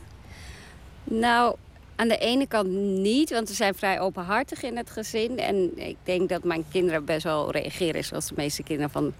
eh, nou ja, het is, het is alles met seks vinden ze nog een beetje belachelijk. En ze weten ook wel wat mijn werk is. Dus ze zijn op, op zich best wel eh, eh, ja, goed geïnformeerd. En ze weten ook heel goed hoe ze me kunnen plagen daarmee. Want, want vooral mijn oudste zoon, die, die is er vandaag niet... maar die, die zegt wel vaak een beetje pseudo-seksistische dingen om me uit de tent te lokken. En wat ik ook ingewikkeld vind, is omdat ze weten dat, eh, dat ik met beeldvorming bezig ben en met seksualiteit. Dat ze dan bijvoorbeeld tijdens het WK ging mijn oudste zoon de hele tijd naar het WK in lingerie kijken. Omdat hij wist ik- zei van ja, dat vind ik een belachelijk programma en seksistisch. En dan ging hij dat expres kijken. Maar dan moet ik er ook niet te veel op reageren. Snap je wat ik bedoel? Want ik wil ook niet dat hij denkt dat hij niet naar mooie vrouwen mag kijken. Snap je? Dus het is, het is, het is ook. Ik vind het soms zelf ook ingewikkeld. Van ik wil niet dat ze later een of ander trauma hebben van oh, mijn moeder was feministe. Met, met seksualiteit en opvoeding, wat ik nu wel heb gemerkt, ik, ik voor, het is geloof ik de tweede aflevering gaat daarover van tent en seks. Die, dat ik, ja, heb ik heel veel mensen over de manier waarop ze opgevoed zijn geïnterviewd. En eigenlijk komt het toch wel een beetje uit van... je kan het op een bepaalde manier ook niet echt goed doen. Want de mensen die met een hele vrije opvoeding... of met een hele feministische opvoeding... er was bijvoorbeeld één jongen die vertelde dat hij heel feministisch is opgevoed... en daardoor uh, dat, dat zijn moeder altijd zei... je moet wel lief zijn voor het meisje... daardoor zich ook heel erg ja, uh, geremd voelde... door um, in bed, omdat hij dacht van als ik maar niet vrouwenvriendelijk ben... meisje niet kunnen bevredigen. Dat vind ik heel belangrijk. Dat vinden mannen moeilijk? Ja, als dat niet lukt, ja, dat is wel, dat tast je wel aan in je mannelijkheid. Als ik het gevoel heb dat ik uh, een meisje niet genoeg kan uh, plezieren... dan kan ik me voor schamen dat ik uh, voor die persoon niet presteer. Ik denk dat mensen het wel fijn vinden om op een hele eerlijke manier over seksualiteit te praten. Omdat het, dat, daar is eigenlijk niet zoveel plek voor. Wat we nu zien in de media is vaak als het over seksualiteit gaat, is het of in extremiteiten. Zeg maar het spuiten-slikken-achtig gehalte, waarbij het dan. Uh, ja, alleen maar gaat van doe je trio of scheer je schaamhaar. Of, en dat, dat, maar het gaat niet echt over kwetsbaarheid of over gevoelens of over onzekerheden. En, uh, en, en daarom vond ik het zo mooi dat we deze serie konden doen. Zodat je bepaalde mm, dilemma's of twijfels ook uh, goed kan bespreken. Tent en Seks is een uh, spin-off van uh, Sletvrezen.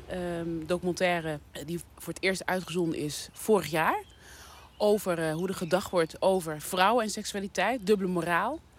En nu is er deze vierdelige serie, mm -hmm. weer over seks. Ja. Waarom?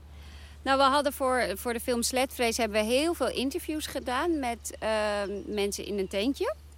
En, en uiteindelijk kon ik voor de film vaak maar één of twee quotes gebruiken. En toen realiseerden we ons dat er heel veel hele mooie interviews tussen zaten... die we eigenlijk ja, weg moesten gooien anders. Dus in overleg met de VPRO hebben we gezegd... laten we er een serie van maken.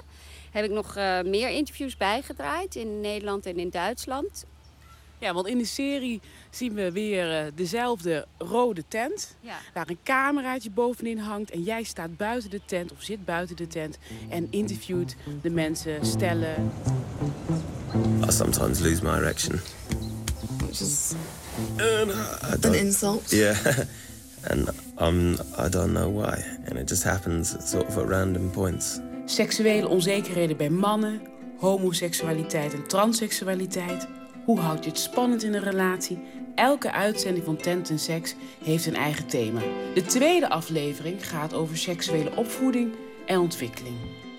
In die aflevering zit bijvoorbeeld een man die wij uh, uh, ontmoeten in Amerika. Toen hadden we eigenlijk net het tentje opgezet in Las Vegas. En toen zochten we iemand van, om het even uit te proberen. Toen liepen we de straat op en de eerste man die we aanspraken... bleek, um, net, die bleek net uit de gevangenis uh, gekomen te zijn. En die had dus 26 jaar geen seks gehad. Was vrijgekomen net. En uh, nou ja, dat werd een heel interessant interview. Omdat hij eigenlijk nu zijn hele idee van seksualiteit baseerde op, op porno. Omdat hij zoveel porno had gekeken. Het en... wordt een heftige eerste keer weer. Ja, nou, ik zei ook van wat verwacht je? En toen zei hij, nou, ik zou wel graag uh, twee meisjes die me tegelijkertijd pijpen willen. En toen had ik zoiets van, wat denk je? Wat denk je over de realiteit? Dat er nu allemaal meisjes klaarstaan om triootjes met jou te hebben en jou gelijktijdig te pijpen. En uh, dus dat was heel, heel, heel grappig. En tegelijkertijd was dat ook wel een heel ontroerend interview. Omdat je zag van ja, die man die, die wil zo graag contact met een vrouw, maar die heeft geen cent te maken, geen huis. En dat, ja, dat, dat wordt wel uh, moeilijk voor hem. Wat er dan gebeurt is dat je uh, ja, in eerste instantie heel erg geconfronteerd wordt met je conditioneringen. Maar het is wel heel erg leuk om te kijken en om te zien ook dat het eigenlijk heel erg leuk is om met een andere man te spelen. En je bent dan niet meteen homo of biseksueel, maar het is wel in elk geval een soort van. Onderzoek. Onderzoek. Zo van, oh, goh, nou, dat is eigenlijk helemaal niet zo heel raar. Ik heb ook een boek geschreven, Sletvrees. En daarin heb ik veel onderzoek gedaan naar, naar de manier waarop we eh, normatief zijn. Dus je hebt hokjes zoals man en vrouw en hetero en homo. Maar wat blijkt eigenlijk uit mijn, uh, mijn research is dat je over de gehele wereld een enorme variëteit hebt. Die niet in die hokjes passen. En daar een voorbeeld geven? Nou, bijvoorbeeld wij denken man of vrouw. Terwijl er zijn ook uh, culturen waar je vijf categorieën hebt. Dus dan heb je allerlei tussenvormen tussen man en vrouw. Uh, die ook een bestaande categorie zijn. Dus als je dan als, als, als uh, jongensachtig meisje wordt geboren... dan heb je niet het gevoel van ik zit in het foute lichaam bijvoorbeeld. Maar dan ben je gewoon dat. Beperkt houdbaar hebben we natuurlijk ja. gehad. Sletvrees. Um, de Sunny Side of Sex hebben we gehad. Hè. Eigenlijk een drieluik. Gebruik jij seksualiteit in jouw films om um, de verhoudingen tussen mannen en vrouwen blootstellen. Dat klopt helemaal. Ik, heb ook, ik ben altijd wel een beetje bang dat ik als soort seksexpert word gezien. Of dat ik een soort Nederlandse goede liekens word. Want dat, dat ben ik echt helemaal niet. En ik ben ook niet de seksueel... Weet je, ik, ja, ik heb niet per se heel veel verstand van, van seks aan zich.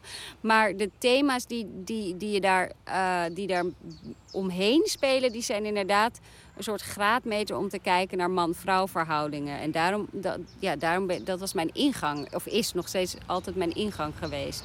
Sletvrees, heb je verschillende reacties op gehad. Wat is het meest bijgebleven? Wat ik vooral heel belangrijk vind zijn als jonge vrouwen, meisjes op scholen, uh, interviews voor profielwerkstukken. Ik krijg heel veel van dat soort uh, reacties van, van meisjes die zeiden van eindelijk zag ik een keer hoe ik me heel in een film, hoe ik me heel vaak voelde, maar ik kon het niet zo goed onder woorden brengen of niet goed duiden. En je hebt me heel erg geholpen daarmee met die film. En dat, dat vind ik wel heel erg fijn. Wat, wat heel stom is van, van uh, recensies en reacties, is dat je je altijd het negatieve toch meer aantrekt of meer onthoudt. Die oorspronkelijke foto vond ik best mooi. Maar nu, naast de gepimpte versie, vind ik mezelf oud, faal en afgetopt. In tegenstelling tot stralend, sexy en glamorous.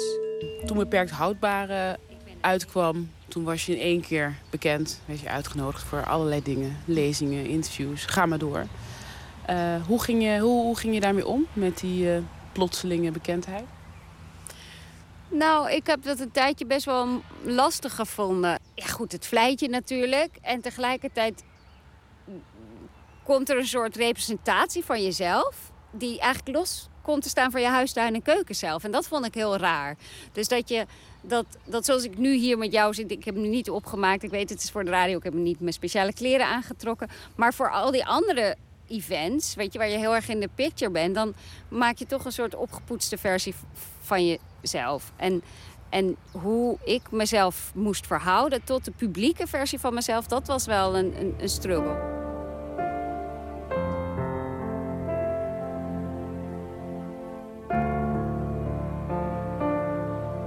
Nou ja, wat, wat, wat ik ook had gemerkt toen, naar, toen, toen ik ineens zo'n publiek persoon werd... en dat, dat het...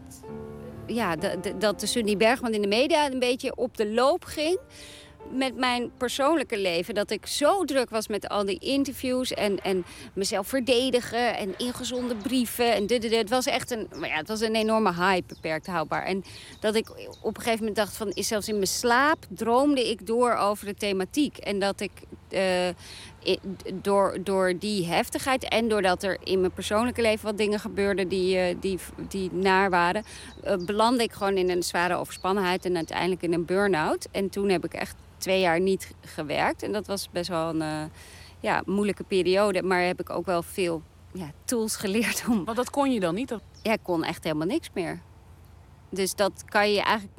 Op het moment dat je gewoon uh, capabel bent... kan je je niet voorstellen hoe, hoe dat is. Ik kan het me nu zelf al bijna niet meer voorstellen. Maar ik kon... Ik werd bang als iemand belde... Ik werd gewoon bang als iemand belde om de telefoon op te nemen. Of, of, of ik kon heel erg wakker liggen over ja, een, een, een simpel mailtje. Of ik ging een keertje naar... Ik weet nog dat ik met mijn vriend naar het tuincentrum ging... en dat ik hem niet meer kon vinden. Dat ik totale paniekaanval kreeg. En, en dat, had ik, dat is zo vreemd, omdat ter ervaren, omdat ik een, best wel een heel relaxed persoon altijd ben geweest. En dat ik nooit angst uh, heb gehad. En ineens wel. En dat, dat had heel erg mee te maken dat ik natuurlijk niet meer goed sliep. En uh, nou ja, je systeem werkt gewoon niet meer. En daar ben je nu uit. En hoe voorkom je dat dat niet meer gebeurt? Ja. Want jij blijft maar doorgaan met de ideeën die je hebt. En volgens mij ligt er een hele stapel met ideeën die je nog wil uitvoeren. Ja, dat is, uh, ik, ik weet het ook niet zo goed. Ik ben soms wel bang dat, dat... Soms voel ik het ook van... Oh, ik voel die symptomen weer opkomen. En ik moet nou ja, tijd naar bed en uh, genoeg vakantie nemen. Ja, van die voor de hand liggende dingen. Sporten, gezond eten, op tijd naar bed. Dat. en en uh, ik heb heel lang gemediteerd. Maar daar ben ik nu weer een beetje uit, uit die routine. Dat hielp me heel erg. Ja, maar het, is wel, het blijft voor mij wel altijd een strijdpunt. Want als het goed gaat, dan krijg ik heel veel leuke aanbiedingen voor werk. En dan, ik ben heel enthousiast. Daar kwam, ja, dat is ook de bottleneck. Dus dat zeg ik weer tegen alles ja. Dankjewel. Jullie zijn heel leuk. Je kunt get out. Cheers.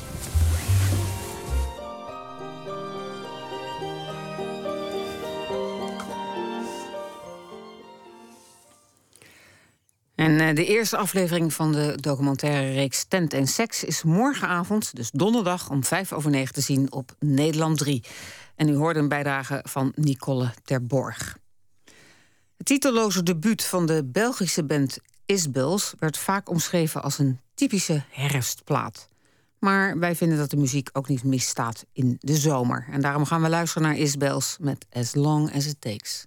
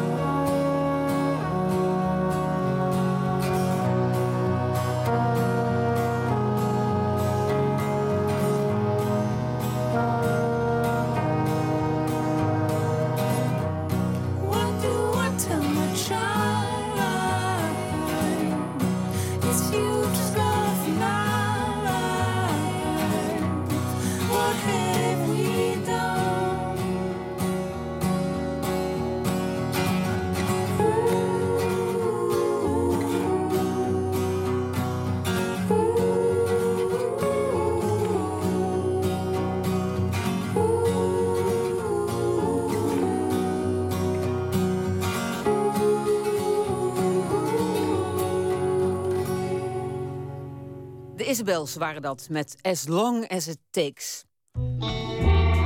Nooit meer slapen. En vanaf aanstaande zaterdag begint Pet van de Luitgaarde aan een zeer omvangrijke klus. De kunstenaar, verzamelaar en fotograaf gaat in de beeldentuin van het Kruller-Muller Museum maar liefst 2400 kledingstukken aan een waslijn hangen. Goedenacht, Pet. Goedendag. Jij bent een uh, verwoed verzamelaar. En een paar jaar terug had je een uh, prachtige tentoonstelling in de Kunsthal in Rotterdam, waar je ook diverse verzamelingen toonde. En daarmee toonde je eigenlijk die absurditeit aan van de veelheid aan spullen die iedereen maar heeft. Even terug naar de oorsprong. Waar, waar is die fascinatie bij jou ontstaan voor dat verzamelen? Uh, ik ben ooit begonnen met verzamelen omdat mijn moeder petten verzamelde. En, um, dat gaf mij een enorme... Ja, goed, de, de, ze, ze, overleed een tijd geleden. En uh, toen zag ik die petten en dacht ik, hé, dat ja, het kwam, kwam dat allemaal weer naar boven, zeg maar. En als een eerbetoon ben ik petten gaan verzamelen. Langzaam is dat uitgegroeid tot meer verzamelingen. En uh, tot, ja, tot nu honderden verzamelingen. En uh, ja, dat, dat gaat nu nog wel, gaat nog wel een tijdje door. Ja. En, en, en heet je nou Pet omdat je moeder van petten hield? Of is het een bijnaam? Of is het... Uh, nou, het is een, naam die, een bijnaam, ja. Een naam die ik zelf heb bedacht omdat ik altijd de pet op heb of had. En zorgde je, daar moeder, je moeder daarop voor toen je klein was? Nee, nee, ik, ik, nee ik, ik, noemde mezelf vroeger altijd zo. Wat grappig. Even die kledingstukken nog uh, buiten beschouwing latend. Wat, wat ben je verder op dit moment aan het verzamelen? Of, of waar ben je naar op zoek? Uh, ik ben nu bezig met ook nog, uh, na dit project, bezig met een muur of een huis te bouwen van kindersurprise. Uh, het zijn er dan ja, gewoon 100.000 of nou, in ieder geval 50.000 kindersurprises ben ik dan uh, aan het nu aan het verzamelen. En, en dan bedoel je die um, kindersurprises die, die in die chocolade-eitjes zitten? Ja, ja, ja. ja, klopt. Dus daar uh, ben ik nu mee bezig. of tenminste, dat wordt een project in november. En, um, en volgend jaar een project met caravans, verzamelen caravans. Ja, caravans, dat, dat, die zijn wel erg groot om te verzamelen. Ja, dat klopt. Ja, maar goed, ja, dat is ook een leuke, kun je, is ook een, kun je ook een aardige, aardig leuke verzameling van, uh, van maken. En, en dan, uh, hoe kom je daar dan aan? Plaats je advertenties of hoe doe je dat? Ja, ook. Ja, ik ben nu, probeer nu steeds meer mensen bij te betrekken. Want dat is ook leuk, merk hoe leuk dat is. En mensen vinden het erg leuk om, ja, ook, ook om andere mensen te helpen. Zeker als het om uh, kunstprojecten of gekke projecten gaat. Dat, dat is altijd, daar zijn veel mensen altijd wel van gecharmeerd. Dat er mensen zijn die iets geks willen doen. En uh, nou, dat is dan leuk om daar dan um, iets mee te doen. En, uh, maar ondertussen zoek ik ook gewoon verder op, op, uh, op, op internet, op marktplaats en speurders en zo. Om te kijken of daar, daar wat interessants in de aanbieding is. Ja.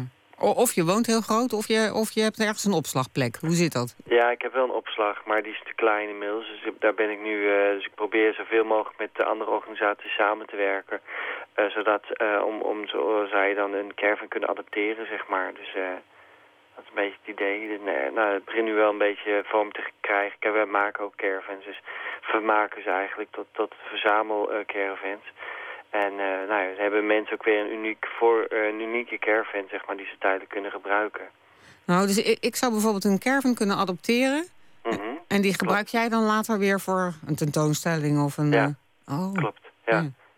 Dus, maar je kunt het zelf daarna, daarvoor heb je hem ook, ja, je kunt er zelf ook weer van genieten of gebruiken. Ja. Of, dus het is een win-win situatie eigenlijk. Wil je ook uh, iets aantonen hiermee? Wil je iets laten zien over ons consumptiegedrag? Of is dat weer te ver gezocht? Uh, nee, nee het, is wel, het is wel een idee om, om juist op een leuke, ludieke manier te laten zien uh, dat we veel spullen hebben.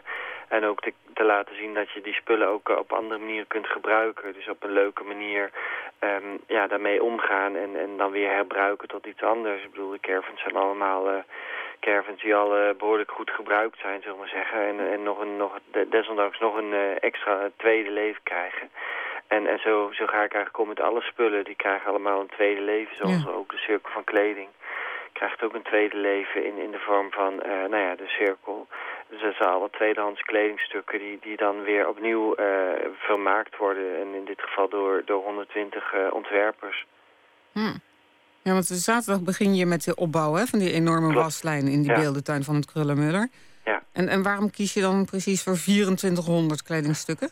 Uh, 2400 is zoveel dat uit Engels onderzoek is gebleken dat de vrouw vanaf 18 jaar uh, 2400 kledingstukken koopt. Dat zijn ook echt serieuze kledingstukken, dus geen, uh, dus geen sokken of ondergoed. En, en ja, dus dat, dat is de hoeveelheid die, die, die dus dat, uit het onderzoek is gebleken dat dat, dat dat dan aan wordt geschaft. En nou, ik dacht dat is wel mooi als, als statement om dat te laten zien, want veel mensen zijn niet bewust hebben geen idee van hoeveel kleding ze hebben of kopen, zeg maar, uh, in hun leven. En als je dat allemaal uitstalt, dan krijg je wel een, een aardig beeld, denk ik, van... Uh, ik denk dat veel mensen wel erg gaan schrikken. ja. ja, ik begin meteen zelf te denken hoeveel kleren ik eigenlijk koop per maand... en hoeveel er in de kast hangen. Je, je, je hebt voor dit project ook de hulp ingeroepen van ontwerpers, kunstenaars en, en ook particulieren. -hmm. Zijn er ook nog voorschriften? Nee, ja, de enige voorschrift is dat ze uh, rood of roze gebruiken. Uh, omdat dat, uh, en goed, voor, voor en babywit, dat het idee is dat de, de vrouw langs, of tenminste dat is mijn, mijn, ding, mijn ding die ik aan vast heb gekoppeld, dat de vrouw langzaam verkleurt, zeg maar de kleding verkleurt naarmate de vrouw ouder wordt. Zodat je ook een soort levenslijn erin krijgt. Nou, mooi. Dus, dus dan langzaam ja, met, met de dood als, als, als einde, zeg maar, die, die wordt er ook in verwerkt. Mm. Heb je nog hulp nodig of heb je alles al binnen? Uh, nou, er zijn altijd, mogen altijd nog mensen tijdens uh, lang, of langskomen, zeg maar, vanaf zaterdag. Om mee te helpen om, om kleding nog te maken. We hebben nog wel um, wat kleding over die ze nog kunnen vermaken, zeg maar. Dus dat, uh, dat ja, mensen zijn altijd welkom om langs te komen. En tot hoe lang duurt de tentoonstelling? de tentoonstelling duurt drie weken na, na 26 juli, na de opening. Nou, ik wens je heel veel succes. En ik, ik vond het een heel bijzonder project. En uh, ik vertel ook nog even dat je op 29 juli... ben je een uur lang uh, te gast bij Kunststof, hier op Radio 1. Ja. Veel succes, dank. Dank je wel. En het is uh, dit jaar alweer 30 jaar geleden dat Marvin Gaye werd vermoord. Doodgeschoten, doodgeschoten door zijn eigen vader. Op de dag voor zijn 45ste verjaardag. En die Amerikaanse soulzanger werd bekend met liedjes, u weet het allemaal, zoals Sexual Healing en What's Going On. Maar hij nam ook uh, diverse duetten op, onder andere met Kim Weston en Diana Ross. En ook eentje met Mary Wells in All. I got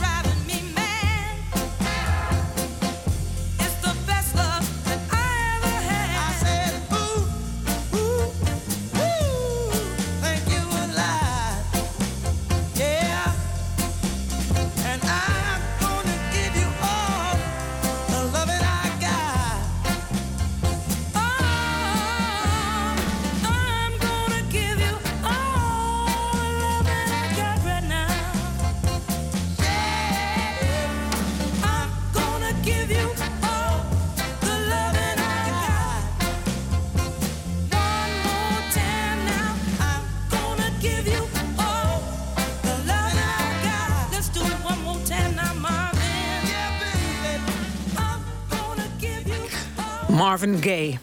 Veel te vroeg overleden. Het blijft zulke lekkere muziek. En uh, hij zong hier samen met Mary Wells. Hilde Pach vertaalt al bijna 30 jaar Hebreeuwse literatuur voor ons lezers. Zoals onder andere het werk van de schrijver Amos Os en David Grossman. Af en toe vertaalt ze ook Jiddische literatuur. En vorige maand promoveerde zij bovendien op een studie naar de Courant. Een in Nederland uitgegeven Jiddische krant uit de 17e eeuw. En verslaggever Anton de Goede sprak met Pach af op een zeer historische plek in Amsterdam.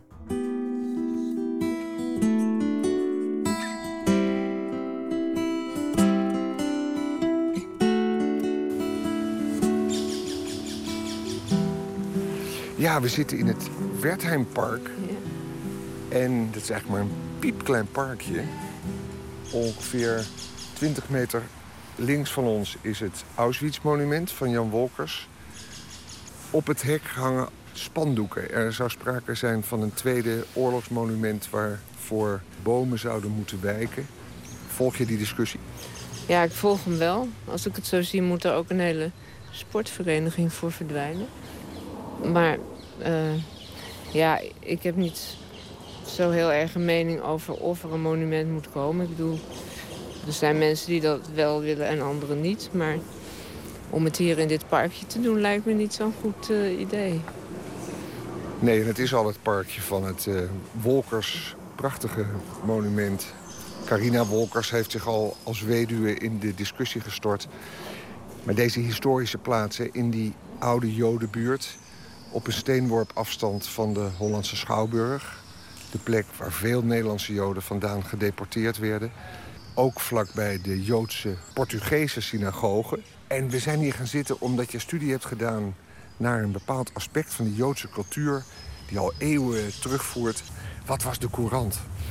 Ja, de courant was een krant. Het is ook afgeleid van het Nederlandse woord courant. Want in het had je daar geloof ik nog geen woord voor... omdat er ook nog nooit een geweest was waarschijnlijk. Maar het is een krant die, waarvan anderhalf verjaargang, ongeveer iets minder, is overgebleven. Het is een Jiddische krant, maar met wereldnieuws. Niet echt typisch Joods nieuws, maar met berichten die overgenomen zijn uit Nederlandse kranten.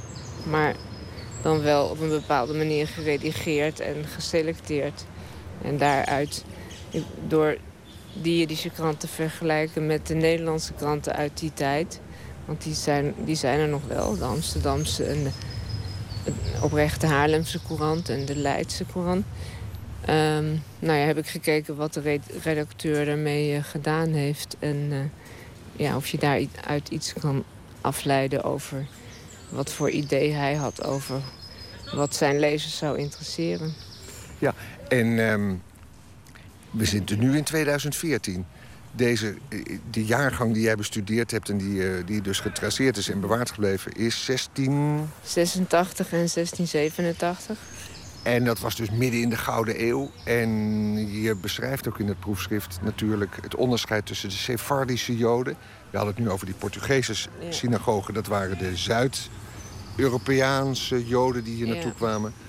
En dit was nou juist de kant van de Oost-Europese Joden... Die, voor wie dit krantje bestemd was. Ja, nou ja, dit waar we nu zitten, het Wertheimpark, is uit de 19e eeuw. Wertheim was een uh, Joodse filantroop en uh, industrieel. Maar ja, in deze buurt een beetje meer, bij het Waterlooplein eigenlijk nog meer... woonden vanaf de 17e eeuw Joden. Ook, ook wel Sephardische Joden trouwens. Maar ja, er waren meer rijke Sephardische Joden dan, dan Ashkenazische Joden. Maar uh, ze waren lang niet allemaal rijk. En de Ashkenazische Joden waren dus bijna allemaal arm. Maar die woonden dus ja, nu meer in de omgeving van het Waterloopplein. En later, in de 19e eeuw, was dit wel echt een Joodse buurt. Ja, en jij hebt je dus gericht op dat krantje... dat voor Ashkenazische Joden uh, bestemd was en gemaakt. Ja. Uh, je hebt daarvoor, nou niet hiervoor, maar je hebt Jiddisch geleerd... terwijl je de vertaalster bent uit het Hebreeuws. Ja. Jiddisch en Hebreeuws. Jiddisch was de taal van die Oost-Europese Joden, is het niet? Ja, dat was de taal die ze spraken. En Hebreeuws was de taal ja, van de gebeden en van allerlei heilige boeken. Maar dat was in die tijd geen spreektaal. Nee. Dat Jiddisch en dat eigen krantje was dus voor Oost-Europese Joden die hier zaten. Waarom wilden zij en moesten zij een eigen krantje? Ja, dat is dus de vraag die ik me ook gesteld heb. En het is moeilijk om daar antwoord op te krijgen, want niemand schrijft er iets over. Er, zijn geen, uh, er is niets overgebleven van waarin verwezen wordt naar die courant. Dus daar kun je alleen maar naar gissen. Dat, uh, ja, ze waren, veel waren dus arm en nou ja, hadden misschien geen behoefte aan nieuws... maar er waren toch ook wel wat zakenlieden die, het, uh, ja, die moesten weten hoe het, het aan toe ging in de wereld. En die blijkbaar nog niet genoeg Nederlands kenden. Ik denk dat het vooral voor hun bedoeld was. Ja. Want er waren mensen die alleen maar die Jiddische taal machtig waren en niet het Nederlands. Ja. ja. ja. Um, en ik heb, heb het steeds over krantje, omdat de omvang vrij gering is en de oplage. Want je hebt het over een, paar, een oplage van een paar honderd, beschrijf je. Ja, ik dacht hooguit honderd misschien. Maar dat, is maar, dat, dat heb ik maar een beetje zitten gissen hoor. Want ik heb ergens uh, had iemand uh, de oplage van 17e-eeuwse Nederlandse kranten geschat. Om, ja, met bepaalde argumenten. En toen dacht ik van nou, als ik dat doe voor, voor, de, Joods, voor de Joodse courant... dan kom je dus uit op een, ja, tussen de 50 en de 100 of zoiets. Ja. Dat natuurlijk. In totaal waren, daar, die cijfers die heb je ook achterhaald en in het proefschrift opgenomen... er misschien 8000 Joden in Nederland, waarvan dan 6000 in Amsterdam. Zoiets, geloof ik, hè? Ja, zoiets. Ja. En dan ongeveer 3000 die die spraken. Ja.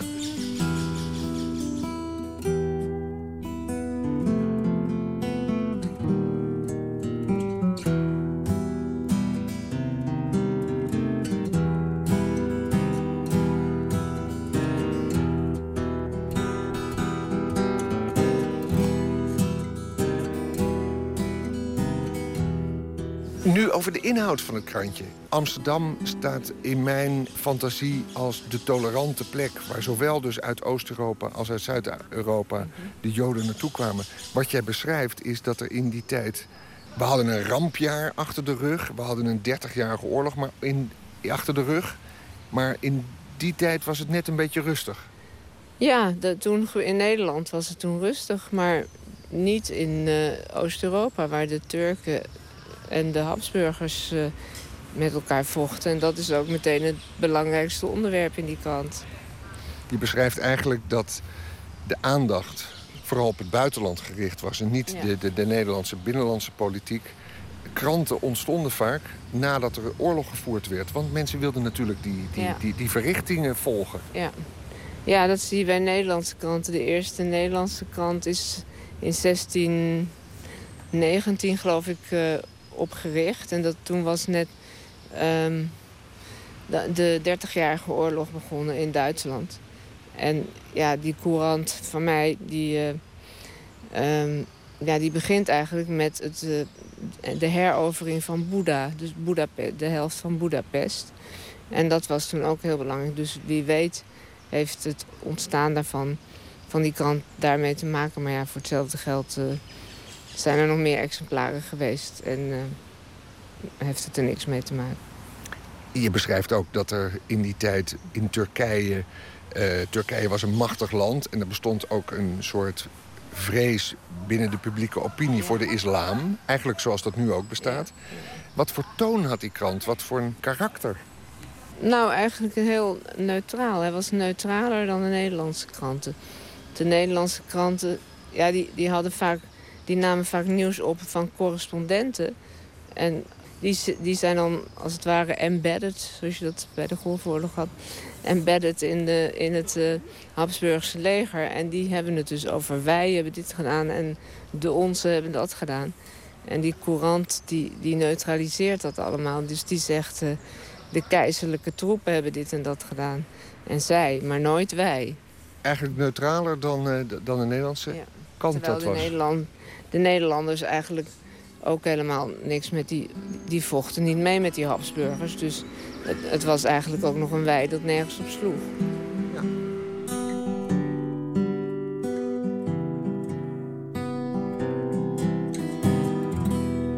Die studie dus naar zo'n zo'n Joodse krant, zo'n jaargang de 17e eeuw. En we zitten hier nu in 2014. Er staat politiebewaking bij de Hollandse Schouwburg. Er staat Ja. politiebewaking bij het Joods Historisch Museum. Die positie van de Joden. Moet je dan aan die geschiedenis ook denken als je hier nou rondloopt? Of wat is de link met nu eigenlijk, als je die tijd en nu ziet? Nou, voor de Joden in Amsterdam was dat eigenlijk wel ook een vrij rustige tijd. Ze, ze werden niet bedreigd hier. Er werden wel Joden bedreigd in de wereld. En, en hier misschien ook wel. Ik bedoel, het waren, ja, ze waren wel duidelijk anders. Het was duidelijk een afgesloten, ja, of een aparte groep. Maar ze zaten niet in een ghetto, dus ze hadden wel ehm, ja, contact met niet-Joden. Werkten ook bij niet-Joden. Maar ik kan me voorstellen dat de Joden die hier nu leven... dat die zich meer bedreigd voelen dan, eh, dan de Joden die, die, die daar toen woonden. Mhm. Bedreigd waardoor? Ja, door eh, terroristisch onheil van eh, buitenaf. Door, nou ja, nu heb je dan die, die lui die naar Syrië gaan, maar dus eigenlijk altijd... ehm, ja, voor de oorlog was er een soort... was er wel een soort antisemitisme hier, maar dat was... Ja, dat, dat was meer in woorden. Er was niet echt een, eh, een fysieke dreiging voor Joden meestal. Maar, en nu zijn er toch ja, allerlei enge moslimstrijders... die hier tot nu toe eigenlijk ook helemaal niet gekomen zijn. Behalve om Theo van Gogh te vermoorden. Maar waardoor de Joden, de meeste Joden hier, is nog nooit iets, iets overkomen. Maar die angst, die is er wel. En ja, wie weet, wie weet hoe reëel die angst is, dat weet je natuurlijk pas als er iets gebeurt. Mooi dat de studie er nu is. Die luistert naar de titel. Arranging Reality. En waarom heet het zo? Ja, omdat ehm, de werkelijkheid ordenen, ja, dat, eh, dat is wat een redacteur doet. Er zijn heel veel dingen in de wereld en die kun je niet allemaal beschrijven. Nou ja, en hij had dan zijn bronnen. Maar zelfs daarin heeft hij dus zijn eigen selectie gemaakt. Dus de, de werkelijkheid die daarin beschreven wordt in die Nederlandse kranten... heeft hij op zijn manier geordend. Hilde Pach. Mooi dat, het, dat de studie er is. Dank je wel. Graag gedaan. Hilde Pach en Anton de Goede sprak met haar over de 17e-eeuwse courant... waarop zij onlangs promoveerde aan de Universiteit van Amsterdam. Nova Star, dat is de band van Joost Zwegers. Hij is geboren in Nederland, maar hij woont alweer jaren in België. En Inside Outside heet zijn nieuwe album. En van die plaat draaien we het nummer Kabul.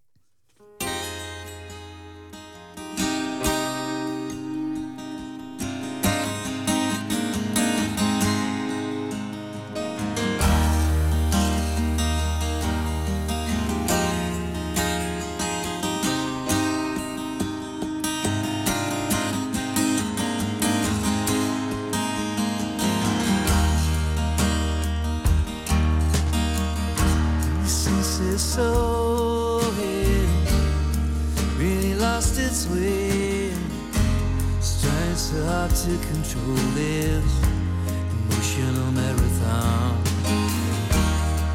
And I know this is the path I'm on. One day I find myself grateful, and then it's gone. Cause everything I've ever learned from love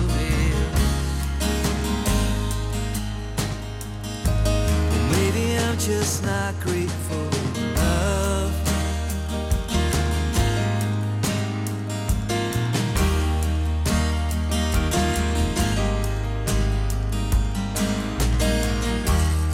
My excuse is you can watch them come I need to follow my music, always number one. And you know stay so strong. You make me feel so hopeful, and then it's gone. Cause everything I've ever learned from love is. Maybe I'm just not hopeful.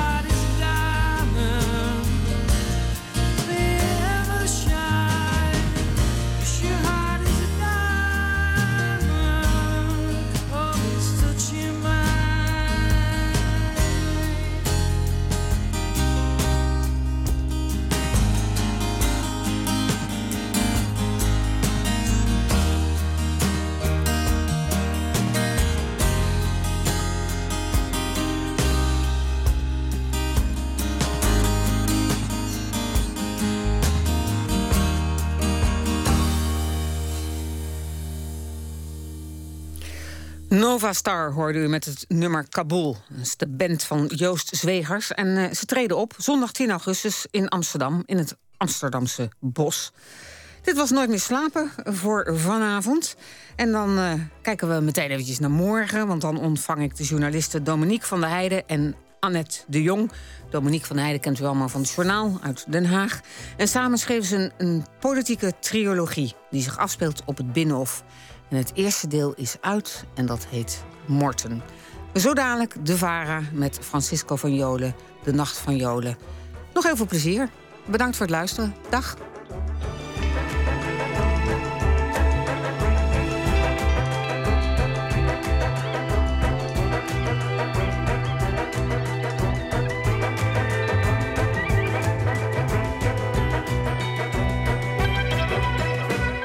Op Radio 1, het nieuws van alle kanten.